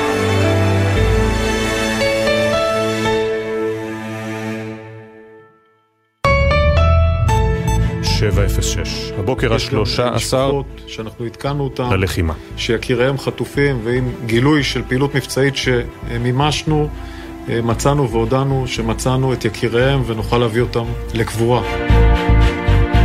Wake of Hamas's uh, appalling terrorist assault, was inhumane, almost beyond belief. And, uh, and I want you to know you're not alone. You are not alone. This will be a different kind of war.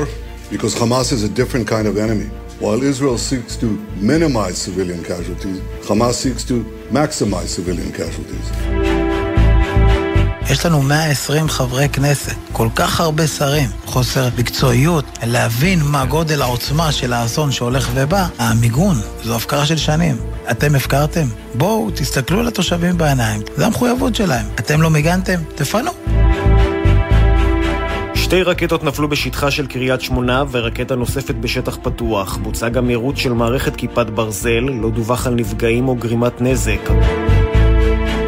The people of Israel live. The people of Israel live.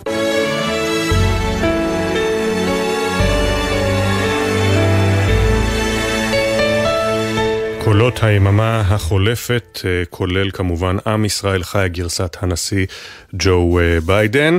הביקור שלו בישראל היה קצר אבל עמוס, הוא הספיק להבטיח חבילת סיוע צבאי משמעותית, לדרוש העברת סיוע הומניטרי לעזה דרך מצרים, להכריז שוב על תמיכה בלתי מעורערת של ארה"ב בישראל, וגם לפגוש את רחל מאופקים.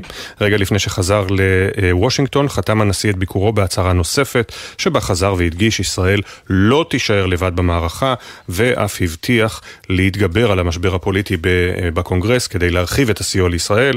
כתבנו המדיני יניר קוזין, אתה ליווית את ביקור נשיא הברית. בוקר טוב יניר. שלום שלום אפי, בוקר טוב. כן, זה היה ביקור יוצא דופן, לא רגיל. נשיא הברית הגיע לכאן לכמה שעות בלבד, במהלך מלחמה, יוצא דופן במיוחד, כשהוא רוצה לומר דבר אחד חשוב. אנחנו כאן לידכם, אנחנו מגבים אתכם, ויותר חשוב מזה אפי, כי הרי ביידן אמר את הדברים האלה גם בוושינגטון, אבל עצם הדריכה שלו כאן, אתה יודע, יש את המושג הזה, boots on the ground, שמדברים על מגפיים של חיילים על האדמה, אז האמריקנים אומרים, החיילים שלנו לא יתערבו במלחמה הזאת, אבל הנעליים של ביידן כן דרכו כאן אתמול כדי להעביר את המסר הזה לאיראן ולחיזבאללה. אל תתעסקו איתנו, לא כדאי לכם שזה יקרה. והוא העביר את המסר הזה שוב ושוב, עם הרבה מאוד אמפתיה, עם הרבה מאוד רגש, שחסר ללא מעט ישראלים בימים האלה, כאשר תיאר את הקושי ואת החור הגדול בלב, כאשר אותם אנשים שאיבדו את יקיריהם התעוררו כל בוקר, יסתכלו על הכיסא ולא יראו שם את היקר להם. אז בעצם זה מה שהיה חשוב לו לומר, אנחנו כאן, וגם אל תתעסקו עם ארצות הברית. מלבד זאת, היה חשוב לו גם לומר ולהעביר מסר, אנחנו דואגים לאזרחים גם בצד השני, לאזרחים העזתים, ולכן הוא דיבר לא מעט על הצורך לדאוג להם ולא לפגוע בהם. בואו נשמע דברים שאמר אתמול בעניין הזה, הנה. The people of Gaza need food, water, medicine, shelter. Today, I asked the Israeli cabinet to agree to the delivery of life-saving humanitarian assistance to civilians in Gaza. Today, I'm also announcing $100 million in new U.S. funding for humanitarian assistance in both Gaza and the West Bank. האנשים בעזה צריכים מזון, מים ותרופות. ביקשתי היום מהקבינט בישראל להעביר סיוע הומניטרי חיוני לתושבי הרצועה. בנוסף, נעביר 100 מיליון דולר גם לאזרחי עזה וגם לתושבי הגדה המערבית. בעצם אומר ג'ו ביידן, אי אפשר להפקיר את האזרחים שם. ישראל הסכימה להכניס סיוע הומניטרי דרך מצרים, לא דרכה. זה צפוי לקרות בימים הקרובים. זה לא יכלול רק מים, אלא גם מזון ותרופות, ואולי גם מעבר לזה. זאת הייתה דרישה אמריקנית. ישראל בנקודה הזאת, כשהאמריקנים נותנים כזאת אה, מטריה, גם צבאית וגם מדינית, לא יכלה לסרב. ובמסגרת ביקורי התמיכה בישראל, יניר, אה, אוטוטו גם אה, ראש ממשלת בריטניה, רישי סונק, מגיע אה, לנמל התעופה בן גוריון לבקר אותנו כאן. מה צפוי לכלול הביקור? כן, אז אה, הוא יגיע לכאן ממש בעוד פחות משעתיים, לפחות כך על פי התכנון.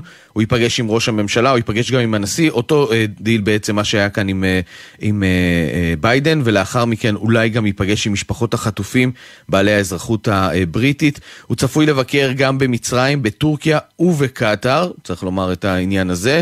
הוא ייפגש גם עם אה, שבעה אזרחים, אה, שבעה אזרחים מבריטניה נהרגו, אז הוא ייפגש גם עם משפחות, אה, אה, משפחות שלהם.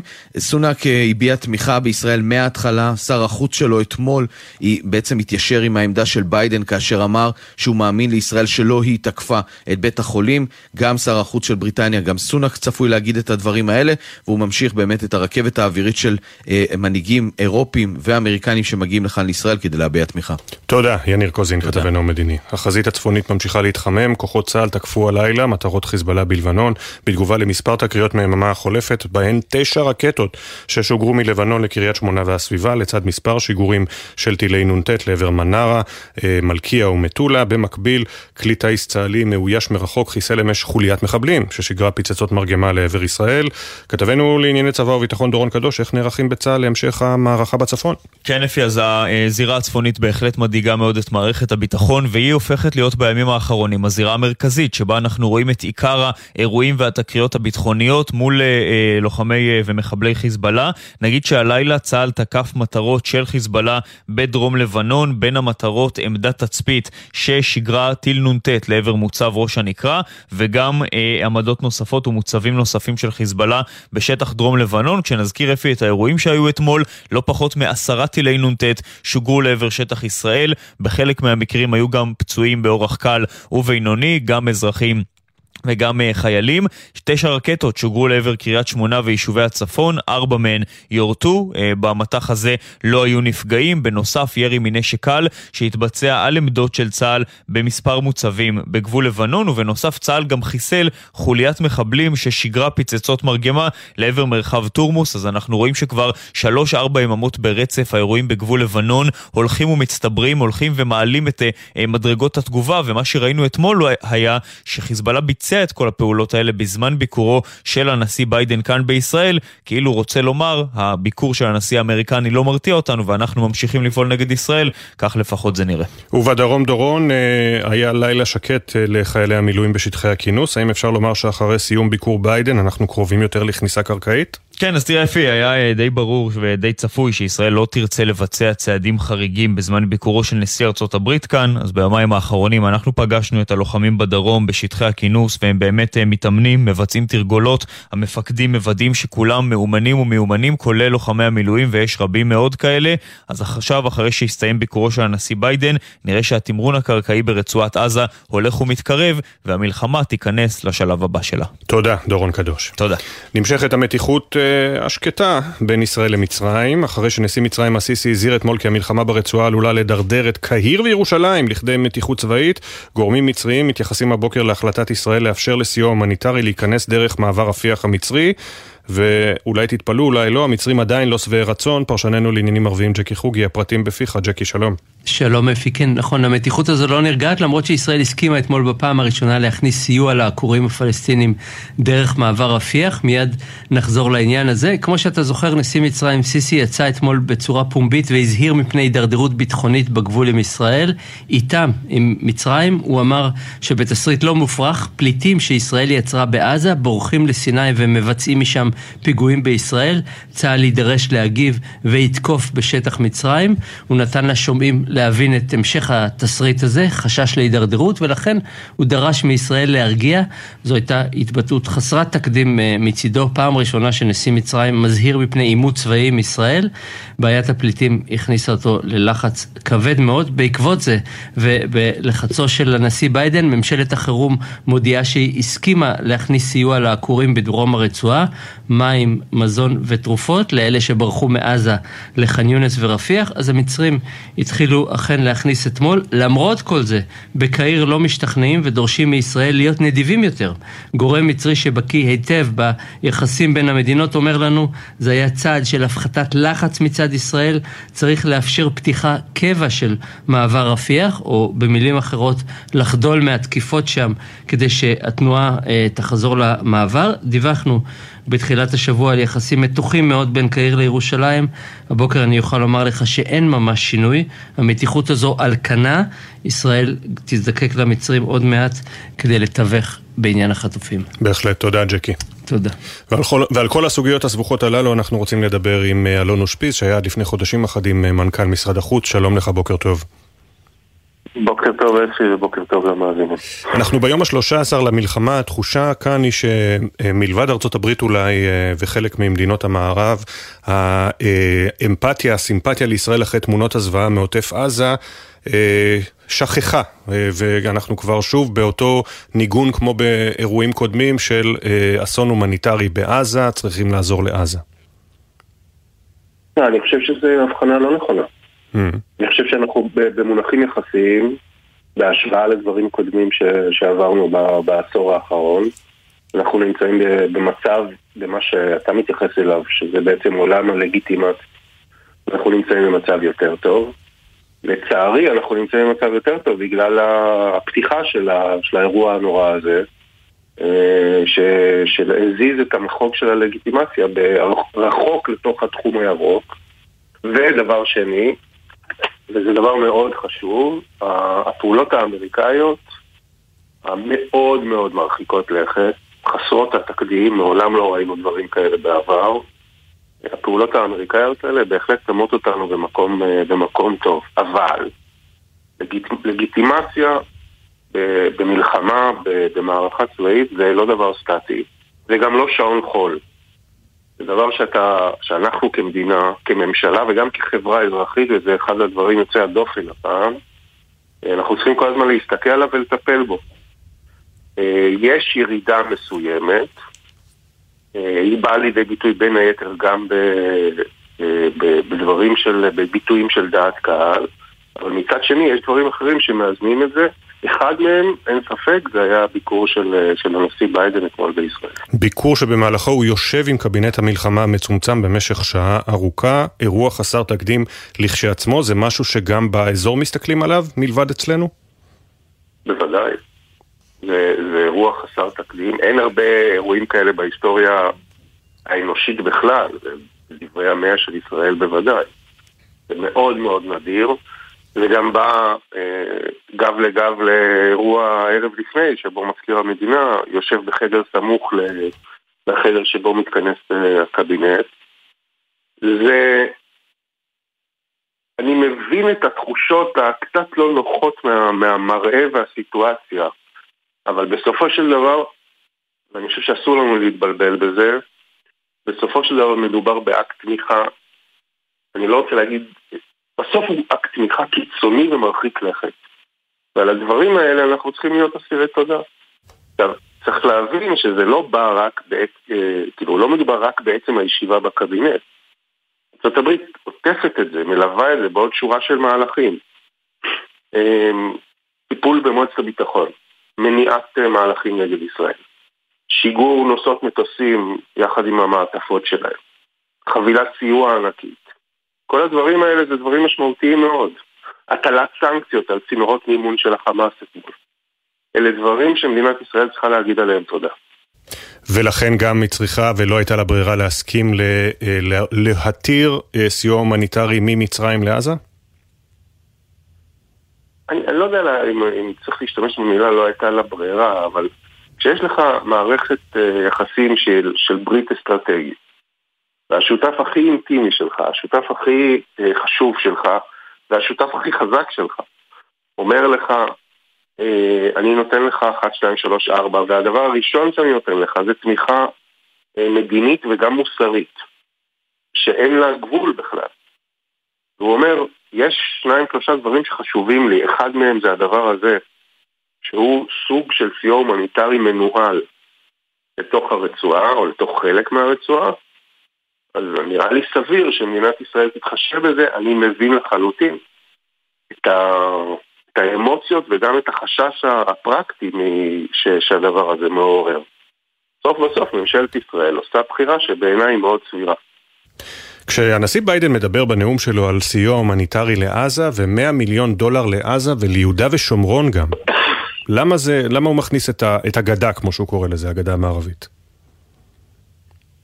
כי הברית לא שינתה את דעתה בנושא הזה של, הסכסוך הישראלי-פלסטיני, של יחסי ישראלים-פלסטינים, והיא עדיין חושבת, והיא לא תשנה את, דע, לא תשנה את דעתה בנושא הזה, שהרשות הפלסטינית היא השותף שאיתו צריכים אה, לנהל את, ה, את השיח, גם המדיני, אבל גם אה, שיח אחר. ואני חושב שארצות הברית מייחסת חשיבות רבה מאוד ותמשיך לייחס חשיבות רבה מאוד ליציבות של הרשות הפלסטינית. והביטוי הזה של מתן סיוע, הוא, הוא, או האמצעי הזה של מתן סיוע גם לרשות הפלסטינית, הוא אמצעי שנועד לבטא את התמיכה האמריקאית הזאת. לסיכום, אה, אנחנו בערך 36 שעות אחרי אירוע בית החולים אה, אל-אהלי בעזה. אה, כמי שהיה מנכ"ל משרד החוץ, אתה משקיף על האירוע, על העובדה שארצות הברית, גם בריטניה מקבלות באופן מלא את גרסת צה"ל, גם חלק מכלי התקשורת בעולם. אפשר לומר מכים על חטא על האימוץ המוקדם של נרטיב חמאס, איך יצאנו מהאירוע הזה? זאת שאלה מצוינת, ואני חושב שצריך להגיד פה כמה דברים שהם חורגים מהאירוע עצמו. בשורה התחתונה, בסוף בסוף אני חושב שיצאנו מזה אה, בצורה סבירה. דבר שני, אני חייב להגיד שבהשוואה לאירועים מהעבר, ועם כל הביקורת, המהירות התגובה של, של צה"ל בנושא הזה הייתה גבוהה מבעבר. אני לא יודע למדוד את זה במונחים מתמטיים, אבל יש לי תחושה מאוד מאוד חדה שזה המצב.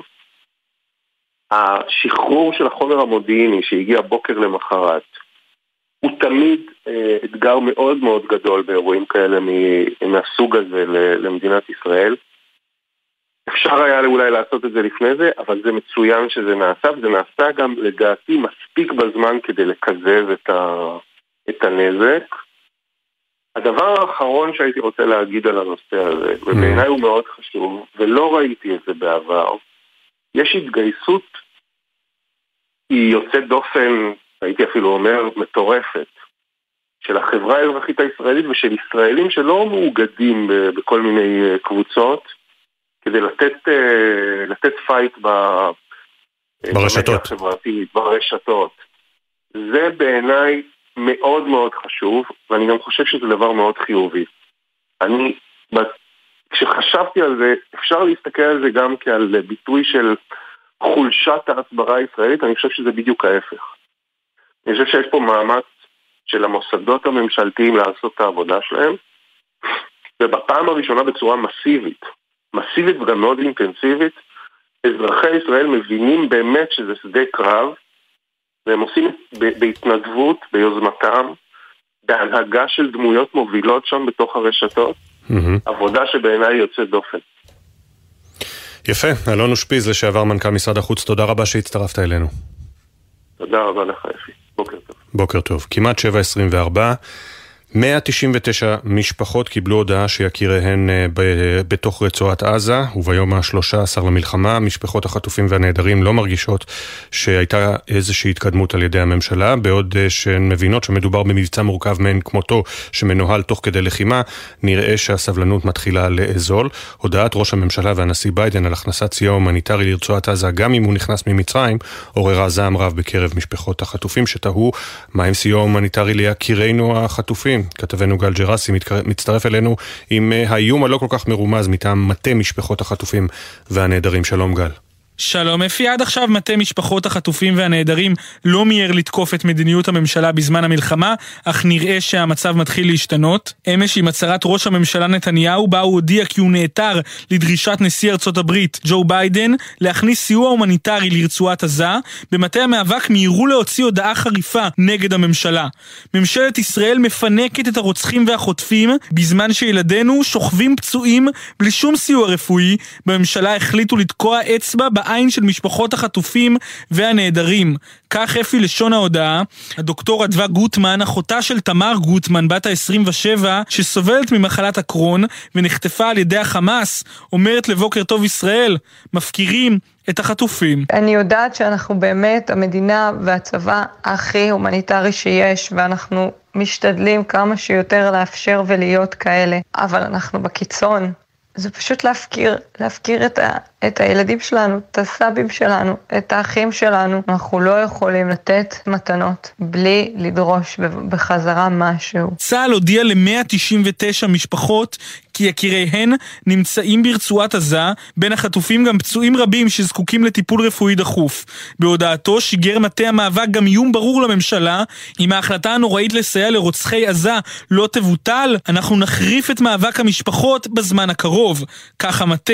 אסף פוזניאק ממקימי אותו מטה, ובן משפחתן של תאיר והודיה דוד, זיכרונן לברכה, שנרצחו במסיבת הטבע ברעים, טוען כי המטה יפעל בכל הכלים העומדים לרשותו. משפחות החטופים והנעדרים זוהמות על ההחלטה ההזויה לאשר העברת סיוע הומניטרי לרוצחי עזה ללא שום תנאי. אנחנו נפעל בכלל הכלים הדיפלומטיים, המשפטיים, ההסברתיים, בכדי להסביר לקהילה הבינלאומית ולממשלת ישראל שלא ניתן לאפשר מסדרון הומניטרי בזמן שהחטופים והנעדרים שלנו לא זוכים לאותו יחס. בימים האחרונים נפגשו נציגי המשפחות כמה פעמים עם גל הירש, הממונה מטעם הממשלה על סוגיית החטופים והנעדרים. שם הם השמיעו מבירור את דרישותן. הירש שמע מצידו, אך לא סיפק הרבה תשובות. במידה והמצב לא ישתנה בקרוב, מסתמן כי בני משפחות החטופים יתחילו לאבד את סבלנותם. ועכשיו, אה, כמעט שבועיים מאז מתקפת חמאס על יישובי העוטף, תוכנית כלכלית מלאה לתמיכה במשק שנפגע קשות עוד לא אושרה. רק היום, אחר הצהריים, מתכנס הקבינט החברתי-כלכלי בראשות שר האוצר סמוטריץ' לדון ולאשר חלקים מתוכנית כזו, כשהנושא העיקרי שעל הפרק סיוע לעסקים שנפגעו מאובדן ההכנסות וגם כמובן תשלום לעובדים שאולצו לצאת לחל"ת, חופשה ללא תשלום. עם הפרטים, כתבנו לענייני כלכלה ישראל פישר, שלום ישראל. שלום אפי, אחרי כמעט שבועיים של לחימה, צפוי היום שר האוצר בצלאל סמוטריץ' להציג את התוכנית הכלכלית המקיפה למשק. הפרטים האחרונים עוד לא סגורים, אבל לגלי צה"ל הגיע מידע על כמה מהדגשים והפרטים שיכללו בה. התוכנית צפויה להיות מקיפה, והיא גובשה בימים האחרונים במשרד האוצר אחרי סבב פגישות עם גורמים רבים במשק, כמו התאחדות התעשיינים, הקבלנים, וגם פגישת התייעצות נדירה שקיים אתמול סמוטריץ' עם כמה משרי האוצר הקודמים, יובל שטייניץ, רוני ברון, משה כחלון ואביגדור ליברמן. דיווח שהיה נשמע מופרך עד לפני כשבועיים. היום גם ייפגש הקבינט החברתי-כלכלי לפגישה שתעסוק בנושא וצפויות להתקבל בה החלטות על צעדים נוספים. בגלל שלא כל הפרטים נסגרו, העלות המדויקת עוד לא ידועה, אבל כבר עכשיו ידוע שהיא צפויה לכלול מענה לשני נושאים עיקריים. פיצוי לעסקים שנפגעו מהלחימה ופיצוי לעובדים שהוצאו לחל"ת, חופשה ללא תשלום. לפי הערכות יותר מ-100 אלף עובדים במשק הוצאו עד כה לחל"ת ולא היה להם מענה מספק.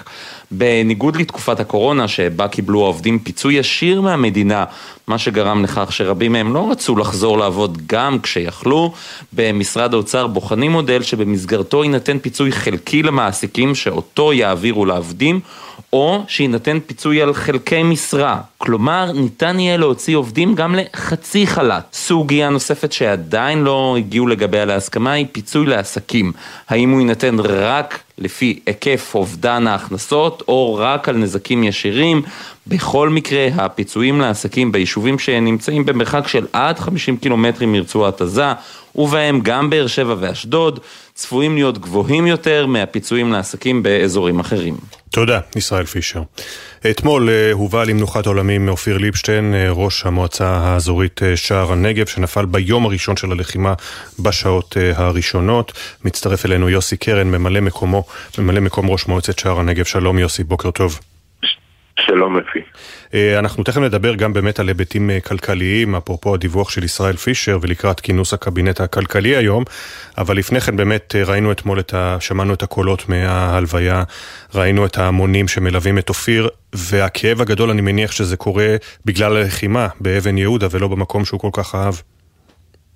כן, בשלב זה יש קושי מאוד גדול לקבור את המתים שלנו בעוטף בגלל הנחיות פיקוד העורף, אף אחד לא רוצה לסכן כרגע אנשים חיים אה, בלוויות. תאר לך לוויה כל כך גדולה בעוטף כשיש חשש לירי תלול מסלול.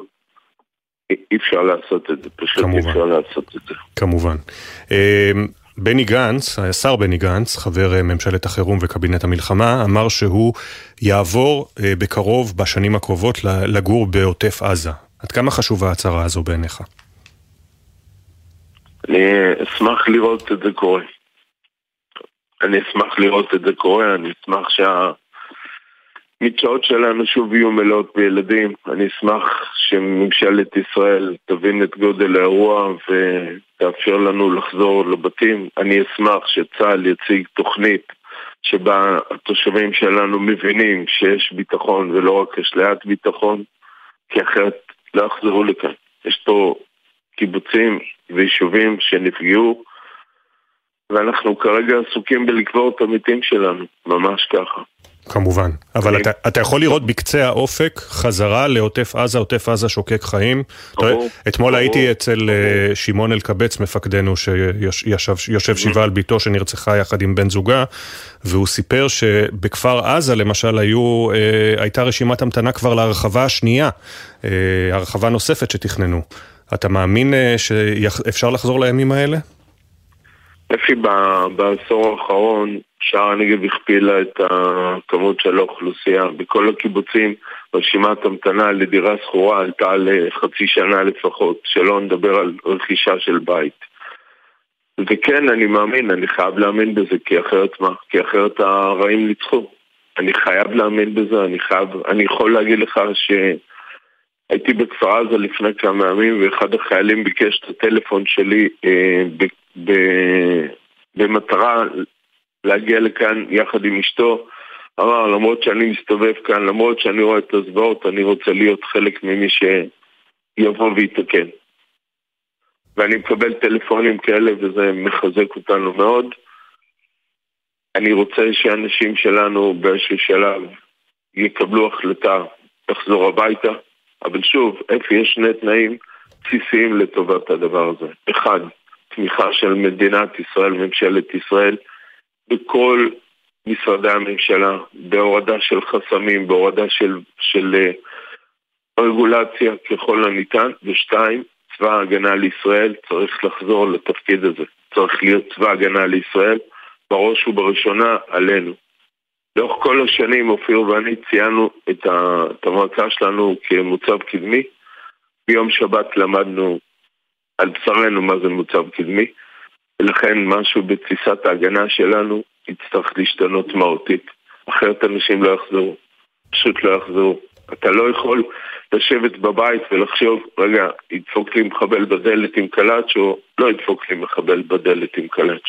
את זה צריך לחסל, את, את האופציה שמישהו עוד פעם יוכל להגיע ליישובים שלנו ולטבוח באזרחים. נשים, ילדים, טף, לא, לא, לא, לא יכול לקרות יותר. אלה לא ימים לדבר uh, פוליטיקה, אבל כלכלה כן, כי uh, למשל אני עדיין תחת הרושם של הזעקה של ראש עיריית אשקלון, תומר גלם, אתה מכיר אותו היטב, בפני שר האוצר לפני כמה ימים בישיבת ועדת הכספים, תשחררו כבר את הכסף. Uh, אנחנו רואים היום uh, כותרת בכלכליסט שמשה גפני, יושב ראש ועדת הכספים, מעכב שישה מיליארד שקלים למשרדים שונים, uh, עד שהוא מבין מה קורה עם הכספים הקואליציוניים. היום כאמור והקבינט החברתי-כלכלי מתכנס לדון. יש הרבה מאוד אנשים, גם בשער הנגב כמובן, שיצאו מ... לא, לא מרצונם לחל"ת. אה, כל התעשייה הכלכלית של העוטף התמוטטה. מה אתה מבקש מהממשלה לעשות עכשיו, בטווח הזמן עכשיו, מיד? אני, הייתה לנו פגישה עם אה, שר האוצר, עם אה, בצלאל סמוטריץ', אני התרשמתי שהוא מבין את הקושי, אני התרשמתי שהוא מבין את החובה המוסרית של ממשלת ישראל לשקם את האנשים, גם ברמה הכלכלית, אפי. לגבי הרב גפני, זה לא מעניין אותי כרגע, אני חייב להודות.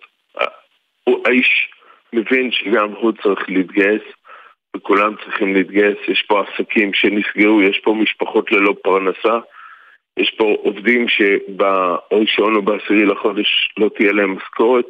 וזה מצב שאי אפשר, אפשר לקבל אותו. אני מקווה שהיום במהלך הפגישה בקבינט הכלכלי אני אוכל להתחיל לקבל תשובות רציניות כדי להרגיע את האנשים שלנו, כי גם זה חשוב, כי אי אפשר לנהל את היום של אחרי כשאין לך ביטחון כלכלי וכשאתה לא יודע מה אתה עושה. יוסי קרן, ממלא מקום ראש המועצה האזורית שער הנגב, תודה רבה שדיברת איתנו שוב בימים הקשים האלה. שיהיה קל. תודה, נקווה. 7.35 עכשיו הכותרות. סליחה. התכוונתי לעבור לכתבה של שחר, אני מתנצל, נשמע את הכותרות. היום השלושה עשר למלחמה, צה"ל הוסיף לתקוף הלילה מטרות של ארגון חיזבאללה בלבנון בתגובה לירי רקטות וטילי נ"ט אל יישובי הצפון. במקביל נמשכת ההיערכות לכניסה קרקעית לרצועת עזה. אמש, לאחר סיום ביקורו של הנשיא ביידן בישראל, נורו מטחי רקטות לעבר אזור המרכז. במהלך הביקור, ביידן הבטיח להעביר לישראל סיוע צבאי בהיקף חסר תקדים. קבינט המלחמה אישר את דרישת נשיא ארצות הברית להעביר סיוע הומניטרי בסיסי ממצרים לעזה. עזה, בתנאי שלא יועבר לחמאס. אלון אושפיז, לשעבר מנכ"ל משרד החוץ, אמר בבוקר טוב ישראל, כשיש לך שותף חזק כל כך, צריך להתחשב בדרישותיו. כשיש לך מערכת uh, יחסים של ברית אסטרטגית, זה השותף הכי חזק שלך. אומר, יש שניים שלושה דברים שחשובים לי, אחד מהם זה הדבר הזה, שהוא סוג של סיוע הומניטרי מנוהל. אז נראה לי סביר שמדינת ישראל תתחשב בזה. הקבינט החברתי-כלכלי יתכנס אחר הצהריים לדון בפרטי התוכנית הכלכלית שיציג הערב משרד האוצר. היא תדרוש הסטת תקציבים קיימים שאושרו וכלולים בהסכמים קואליציוניים, וכמובן תמיכה של חברי הקואליציה בכנסת. כתבנו לענייני כלכלה ישראל פישר פרסם בבוקר טוב ישראל כי התחומים המרכזיים שייכללו בתוכנית יהיו פיצוי לעסקים בכל הארץ, ובעיקר לעסקים ביישובים שבמרחק עד 50 קילומטרים מרצועת עזה, גם באר שבע ואשקלון. כמו כן באוצר בוחנים מתווה פיצויים לעובדים שהוצאו לחופשה ללא תשלום, בניגוד למתווה מתקופת הקורונה, ישולם באופן חלקי גם למעסיקים. כוחות צה"ל הרסו הלילה בכפר קיביה שבחבל בנימין את בית המחבל שרצח את סמל ראשון שילה יוסף אמיר, זיכרונו לברכה, בפיגוע ירי סמוך לקדומים לפני שלושה חודשים. יותר ממאה מבוקשים פלסטינים נעצרו במהלך פעילות הכוחות. מדובר צה"ל נמסר שהמחבל הינו פעיל חמאס. עדכוני תנועה מגלגלצ, כביש עכו חיפה, עמוס מצומת עכו מזרח עד כפר מסריק, כביש 444 דרומה, עמוס מצומת צור יצחק עד כוכב יאיר, מזג האוויר מעונן אה, חלקית, בצפון הארץ ובמרכזה צפוי גשם מקומי ברובו קל, והטמפרטורות תהיינה מעט נמוכות מהרגיל לעונה, בעיקר בערים ובפנים הארץ. אנחנו יוצאים להפסקה קצרה של פחות משתי דקות, ואחריה אה, נשמע את אה, שחר גליק מדווח על מפעל בשדרות שנפתח אתמול מחדש, וגם כתבנו שי ישראל שוחח עם המ"פ בגבעתי שנפצע בלחימה וכבר מחכה לחזור לקרב. בוקר טוב ישראל, מיד חוזרים.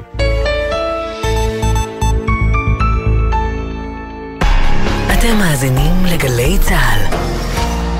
האם המעסיק יכול להוציא אותי לחל"ת? יש זכויות לבני משפחה של נפגעים? הכנסות העסק נפגעו. אני זכאי למשהו? בימים אלו של קושי ואי-ודאות, אתר כל זכות ריכז למענכם במקום אחד את כל זכויותיכם בכל תחומי החיים. חפשו ברשת כל זכות, אתר הזכויות של ישראל. מגישים משרד ראש הממשלה, משרד המשפטים ומערך הדיגיטל הלאומי. יחד ננצח. שלום, כאן פרופסור אייל פרוכטר, פסיכיאטר. כולנו עוברים ימים קשים במיוחד, הורים לילדים. הרבה מהיכולת של הילדים להתמודד עם המציאות תלויה בכם. אנחנו ההורים מעבירים את המצב לילדים. ככל שנהיה רגועים בעצמנו ונשדר ביטחון, כך הילדים יקבלו ביטחון. אתם צריכים תמיכה. במוקדי הסיוע יש אנשים טובים שמחכים להקשיב ולעזור לכם. אלה ימים קשים. נעבור אותם יחד. מידע באתר משרד הבריאות. בימים קשים אלו, משרד הרווחה איתכם, באמצעות מערך ליווי ותמיכה של אלפי עובדות ועובדים סוציאליים. אתם לא לבד. משרד הרווחה והביטחון החברתי בשבילכם במחלקות לשירותים חברתיים ברחבי הארץ ובמוקד 118 24 שעות ביממה. יחד ננצח. חייל, בזמן שאתה שומר על כולנו, יש מי ששומרים עליך. אתה חווה מצוקה או קושי וזקוק לאוזן קשבת? עמותת ער"ן כאן למענך, בכל נושא ובכל שעה בעילום שם. כוכבית 2201, בצ'אט ובוואטסאפ באתר ער"ן. ער"ן, שומרים על הנפש שלך. מאחורי השמות, בוקר טוב ישראל חולקת כבוד לנרצחים ולנופלים. תמיד עם חלומות משוגעים, חיוך ממזרי וחולצה להחלפה. וחלמה לעזור לילדים עם מוגבלויות באמצעות תרפיה עם כלבים. מפעל חייו היה הרפת. בכל בוקר נספר משהו קצר, פרט מידע, אירוע או חוויה שישפכו אור על מי שהיו ואינם עוד. בני משפחה וחברים המעוניינים לחלוק עמנו בסיפורים ובתמונות מוזמנים לעשות זאת באמצעות הדואר האלקטרוני. זיכרון כרוכי glz.co.il מאחורי השמות, מדי יום ביומן הבוקר של גלי צה"ל עם אפי טריגר. עכשיו בגלי צה"ל, אפי טריגר עם בוקר טוב ישראל. שבע וארבעים בדיוק. בימים הארוכים שחלפו מאז פרוץ המלחמה אנחנו שומעים על עוד ועוד יישובים שמפונים ותושבים שנאלצים לעזוב את בתיהם. הבוקר אנחנו עם סיפורם של אלה שחוזרים בחזרה לדרום. אחרי דפוס בארי, אתמול נפתח מחדש בשדרות מפעל ייצור אריזות מזון. כתבנו שחר גליק שמע את סיפורו של המנכ"ל שחולץ מהעוטף והחליט לחזור לעבודה, ברגע שאפשר. 12 ימים אחרי תחילת הלחימה, מכונות הדפוס במפעל דיג'יפק בשדרות חזרו לפעול. מנכ"ל המפעל יפתח שטרן מספר על הימים הראשונים למלחמה. באתי לפה ביום הראשון, אני חושב שמכל הסיפור זה היה הפחד הכי גדול שלי בכל הסיפור הזה. פשוט רעדו לי הביצים. נכנסתי לפה עם מסור, סכין והכלבה שלי, והתחלתי לתאר איתה חדר חדר. הוצאתי גליל אחד, ברחתי מפה. יפתח חולץ מביתו במפלסים, אחיו שרד את הטבח בבארי ואחותו מניצולי קיבוץ כפר עזה, אבל אחרי מספר ימי התאוששות הוא הבין שצריך לחזור. ביום השני שלישי אני מבין שבניגוד לכולם, לי גם יש עסק. ויש ימים שהעסק הזה הוא, הוא התינוק שלך, ויש ימים שהוא הגיבנת שלך. אני פתאום מבין שלי יש עוד גיבנת שאני צריך להנשים אותה. אנדרי, אחד העובדים שהגיעו לפתיחה המחודשת, מסביר העבודה נחוצה גם לנפש. אנחנו חייבים לצאת מהבית, אנחנו צריכים לעזור לשגרה. לאט לאט, לא כל יום, לא כל יום עבודה, בקטנה, חצי יום, כמה שעות, אבל חייבים לצאת, חייבים לחזור קצת. מבחינת שמואל, מנהל המחלקה של אנדרי, החשיבות היא בעיקר לטווח הארוך. המפעל שלנו הוא מפעל קטן, יצרן, שאם אנחנו נמשיך להישאר בבית ולפחד, לצאת ולא לחזור לשגרה, אנחנו פשוט נקרוס. כל מי שעובד במפעל הזה, הוא יישאר מחוסר עבודה, בנוסף לכל ה... האסון שקרה פה באזור. בטקס הפתיחה נוכח גם נועם זילברשטיין, המנכ"ל של HP אינדיגו, ספקית המכונות של המפעל, שהגיע לתת גב למפעל שנפתח מחדש. כשביקרתי אותו במלון אחרי אותה, קצת, אחרי אותם כמה ימים וראיתי אותו מעכל. ראיתי אותו מנסה להבין איפה הוא נמצא. ודיברנו שהדבר הכי נכון לעשות והכי חשוב לעשות זה לפתוח את המפעל כמה שיותר מהר. בשעה שאני פה, אני רואה אותו חי. אני רואה אותו חי, אני רואה אותו נושם, אני רואה אותו נושם, ואני רואה אותו אה, אה, מחזיר את התקווה, לו ולכל העובדים. חזרה ליפתח המנכ"ל, מבחינתו זה לא רק המפעל הזה, אלא המשך קיומו של העוטף ושל המפעל הציוני כולו. אנחנו, תושבי האזור פה, חווינו שואה, פשוט שואה. שלדעתי אנחנו עוד לא מבינים את גודלה, בסדר, ועוצמתה, ואף אחד לא מדבר על היום שאחרי. זו שאלה שלא שואלים, אבל אם רוצים את היום שאחרי, זה חלק כל כך חשוב מהתקומה. סגן אלוף ירדן שוקרון עשתה היסטוריה לפני כשנה והפכה למג"דית הקרבית הראשונה בפיקוד העורף. כל חייה גדלה בדרום, בשנה האחרונה עברה לגור באופקים, והיא לא תיארה לעצמה שתמצא את עצמה בקרבות והיתקלויות עם מחבלים ברחובות הסמוכים לביתה. בשלוש היתקלויות עם מחבלים היא חתרה למגע בראש לוחמיה ולוחמותיה, וכעת היא נערכת איתם לקראת האפשרות של כניסה קרקעית לרצועה. בריאיון בלעדי לכתבנו הצבאי דורון קדוש, מספרת סגן אלוף ירדן שוקרון על הקרבות, על גבורת הלוחמות ועל האמונה בצדקת הדרך. הנה הכתבה. סגן אלוף ירדן שוקרון, מפקדת גדוד שחר של פיקוד העורף, עברה בשנה האחרונה לאופקים ולא דמיינה שתמצא את עצמה במציאות של בוקר 7 באוקטובר. זה תופס אותי בבית, ישנתי. רצנו מהר להביא את שלושת הילדים לממ"ד והספקנו ממש בדקה האחרונה לסגור את הממ"ד, ככה כיסינו אותם, הם המשיכו לישון. והתארגנתי, עליתי על מדים, לקחתי את הנשק וכל מה שנדרש כדי לצאת מהבית. סגן אלוף שוקרון מקבלת עוד ועוד דיווחים על מחבלים בעיר, ואז הגיע הטלפון מהמח"ט שהקפיץ אותה לבסיס זיקים, כי שם יש מחבלים. יצאתי מהבית ונפרדתי ככה מבעלי ומהילדים, בעלי שאל אותי, ירדן, יורים באופקים. את פה עם נשק, תישארי להיות איתנו. אמרתי לו, אני סומכת עליך, אתה אלוף, סגור את הילדים בממ"ד, תהיה חזק. ניפגש, ניפגש בהקדם, ויצאתי מהבית בלי לחשוב פעמיים, וכבר היה לנו בצומת גילת התקלות ראשונה.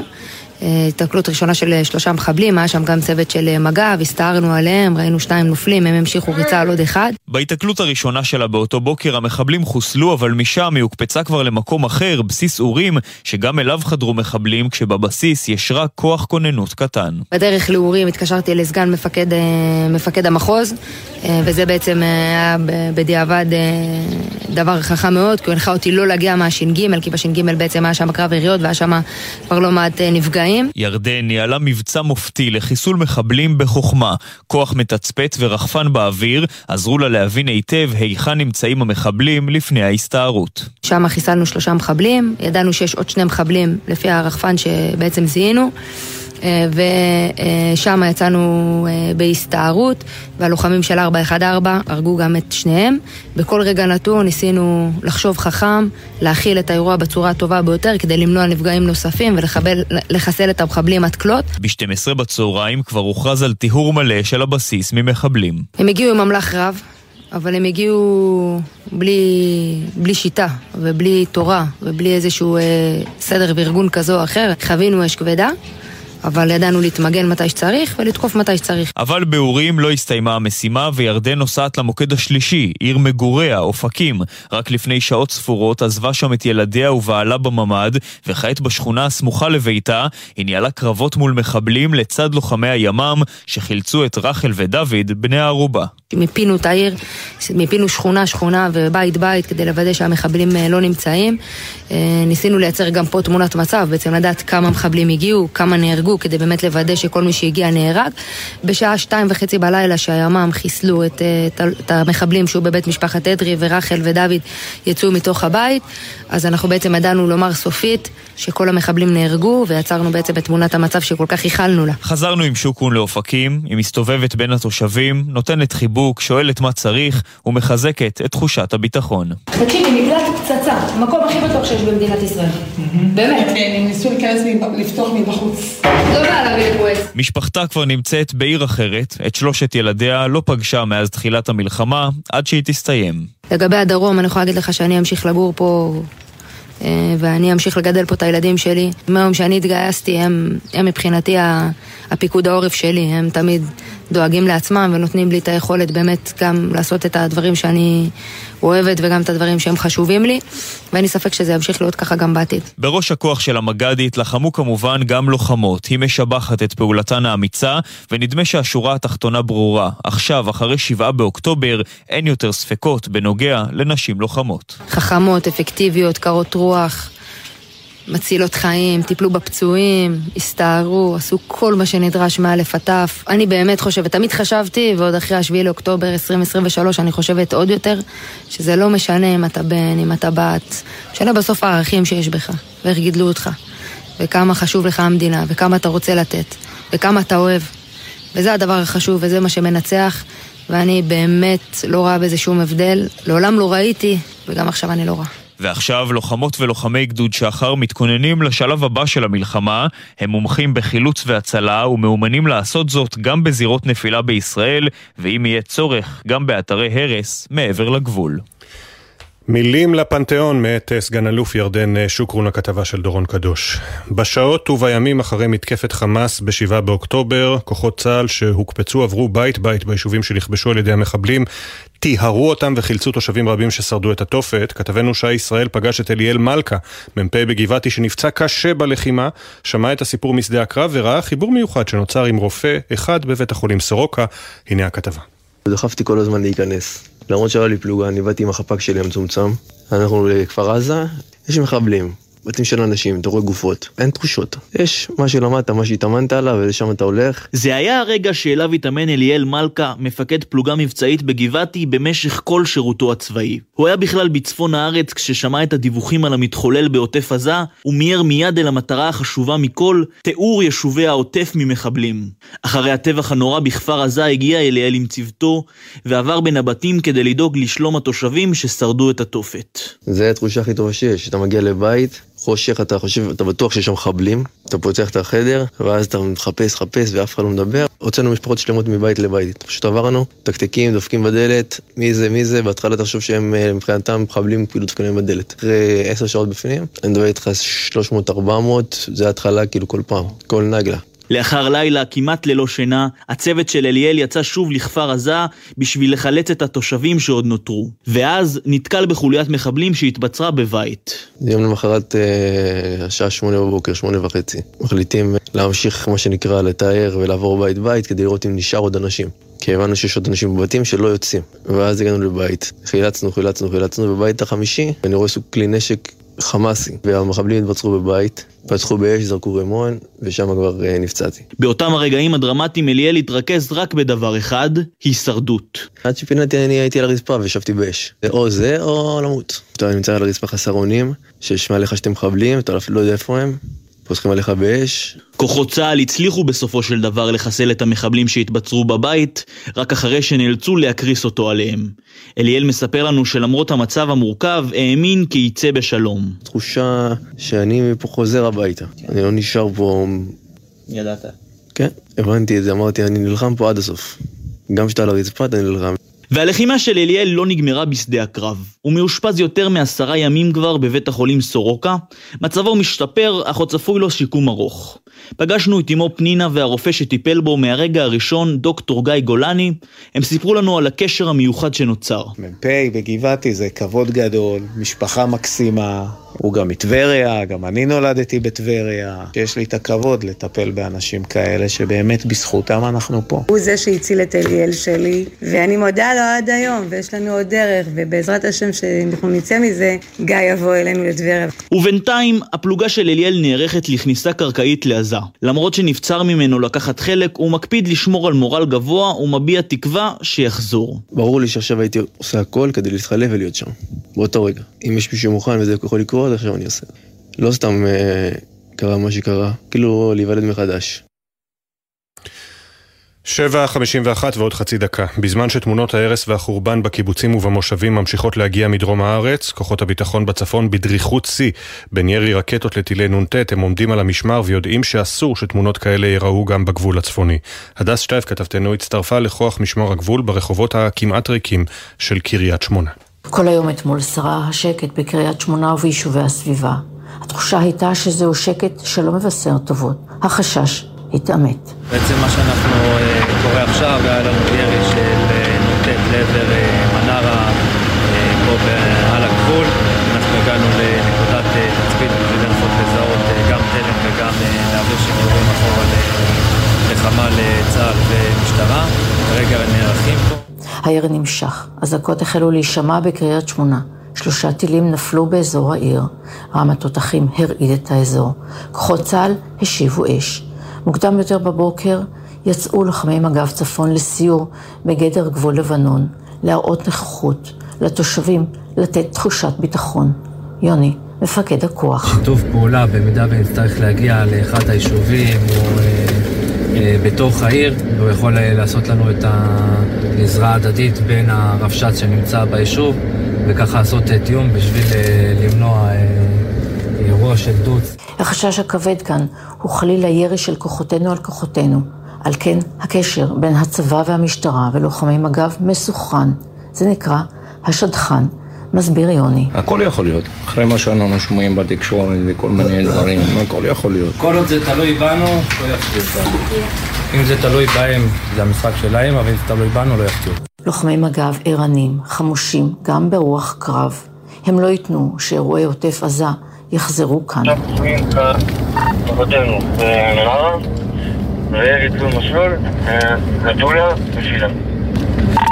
קיבלתי אותך. הבוקר מתעוררת קריית שמונה, שכמעט ריקה מתושבים, ליום מתוח נוסף. ועכשיו אנחנו לסיפור אה, הבא. מעניין, מבין הנרצחים בטבח שהתרחש בדרום, לפחות 15 יוצאים ויוצאות בשאלה שמצאו את מותם באותו בוקר שחור.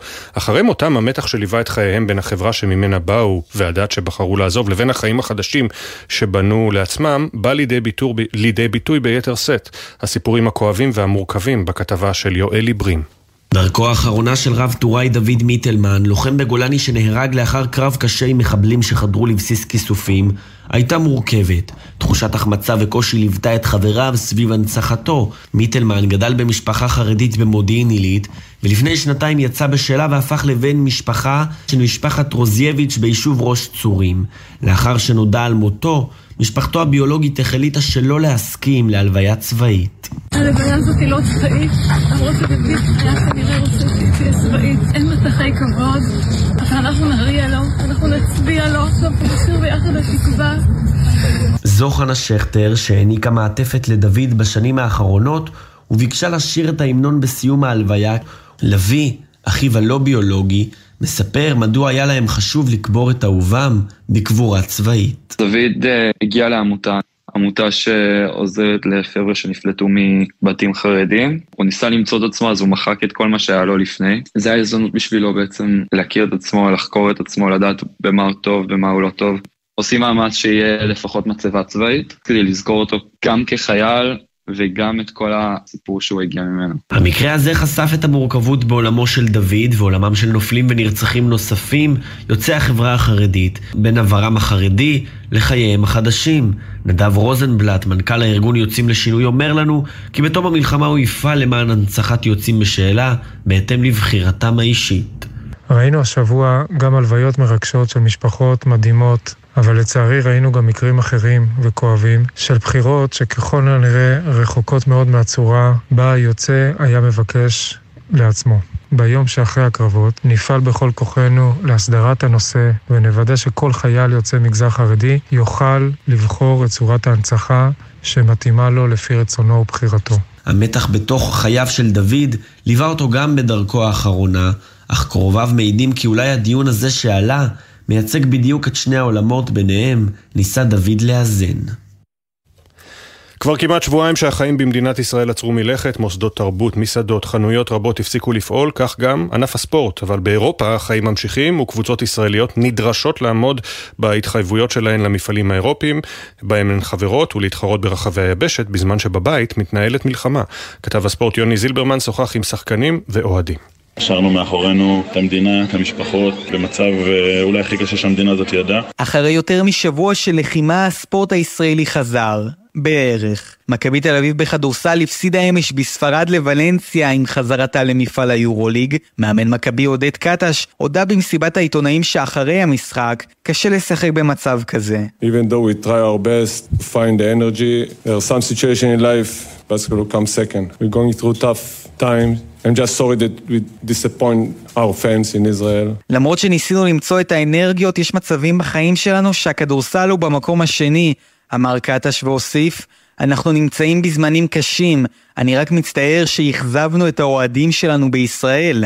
עוד קודם לכן, בשלישי ערכה הפועל תל אביב בכדורסל את משחקה הראשון של קבוצה ישראלית באירופה מאז פרוץ המלחמה, כשגברה על ונציה באיטליה. כדורסלן הקבוצה תומר גינת הקדיש את הניצחון למשפחות ולאוהדים בישראל. כולנו מתחילת השבוע הזה הבנו שהמחשבות והראש הם לא בדיוק פה, וידענו שאנחנו באים לפה למשימה שהיא איזושהי שליחות לשמח את כל המשפחות. כל האוהדים, כל מי שאוהב כדורסל, לתת לו ברייק של שעתיים מהמצב, מהחדשות. לא מעט מאוהדי הקבוצות בישראל נמצאים כרגע בצבא, אם זה בשירות הסדיר או במילואים, כמו למשל חיים, שנאלץ לעקוב אחרי קבוצתו הפועל תל אביב מקיבוץ נחל עוז החרב. לראות את הפועל מנצחת זה הדבר הכי משמח בעולם, זו תחושה של נורמליות, זו תחושה של שפיות, זו תחושה שהספורט חזר, וזה נותן עוגן מסוים, והעוגן הזה מאוד חסר לנו. ואיך עוקבים אחרי המשחק תוך כדי המילואים והאזעקות, גם את זה חיים מסביר. עוקבים אחרי הקבוצות של הפועל, בעיקר עוקבים אחרי הקבוצות של הפועל, ששם זה מתעדכן כל הזמן, ואנשים אה, די מתארים את זה פליי ביי פליי, ואז אתה יודע מה קורה בעולם הנורמלי שם בחוץ. מה לגבי עתידם של הקבוצות הישראליות באירופה? בכדורגל ביקשו הנציגות לדחות את משחקיהן הקרובים במפעלים האירופיים, ובכדורסל המועדונים נאלצים להחליף ולשנות את לוח המשחקים על מנת שלא לארח בישראל. כל זאת אפילו מבלי להזכיר להזכיר את הליגות המקומיות והענפים הפחות מוכרים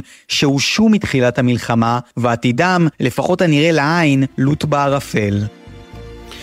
דקה לשמונה אנחנו מסיימים את uh, המשדר שלנו, ערך אותנו יואב מאיסי, עורכת המשנה מאיה שוקן, הפיקה נועה ארז, לצידה אורי שרון, על הביצוע הטכני ליאור רונן, בפיקוח הטכני אסף סיטון, עורך הדיגיטל מתן קסמלן, תודה גם למשה טורקיה.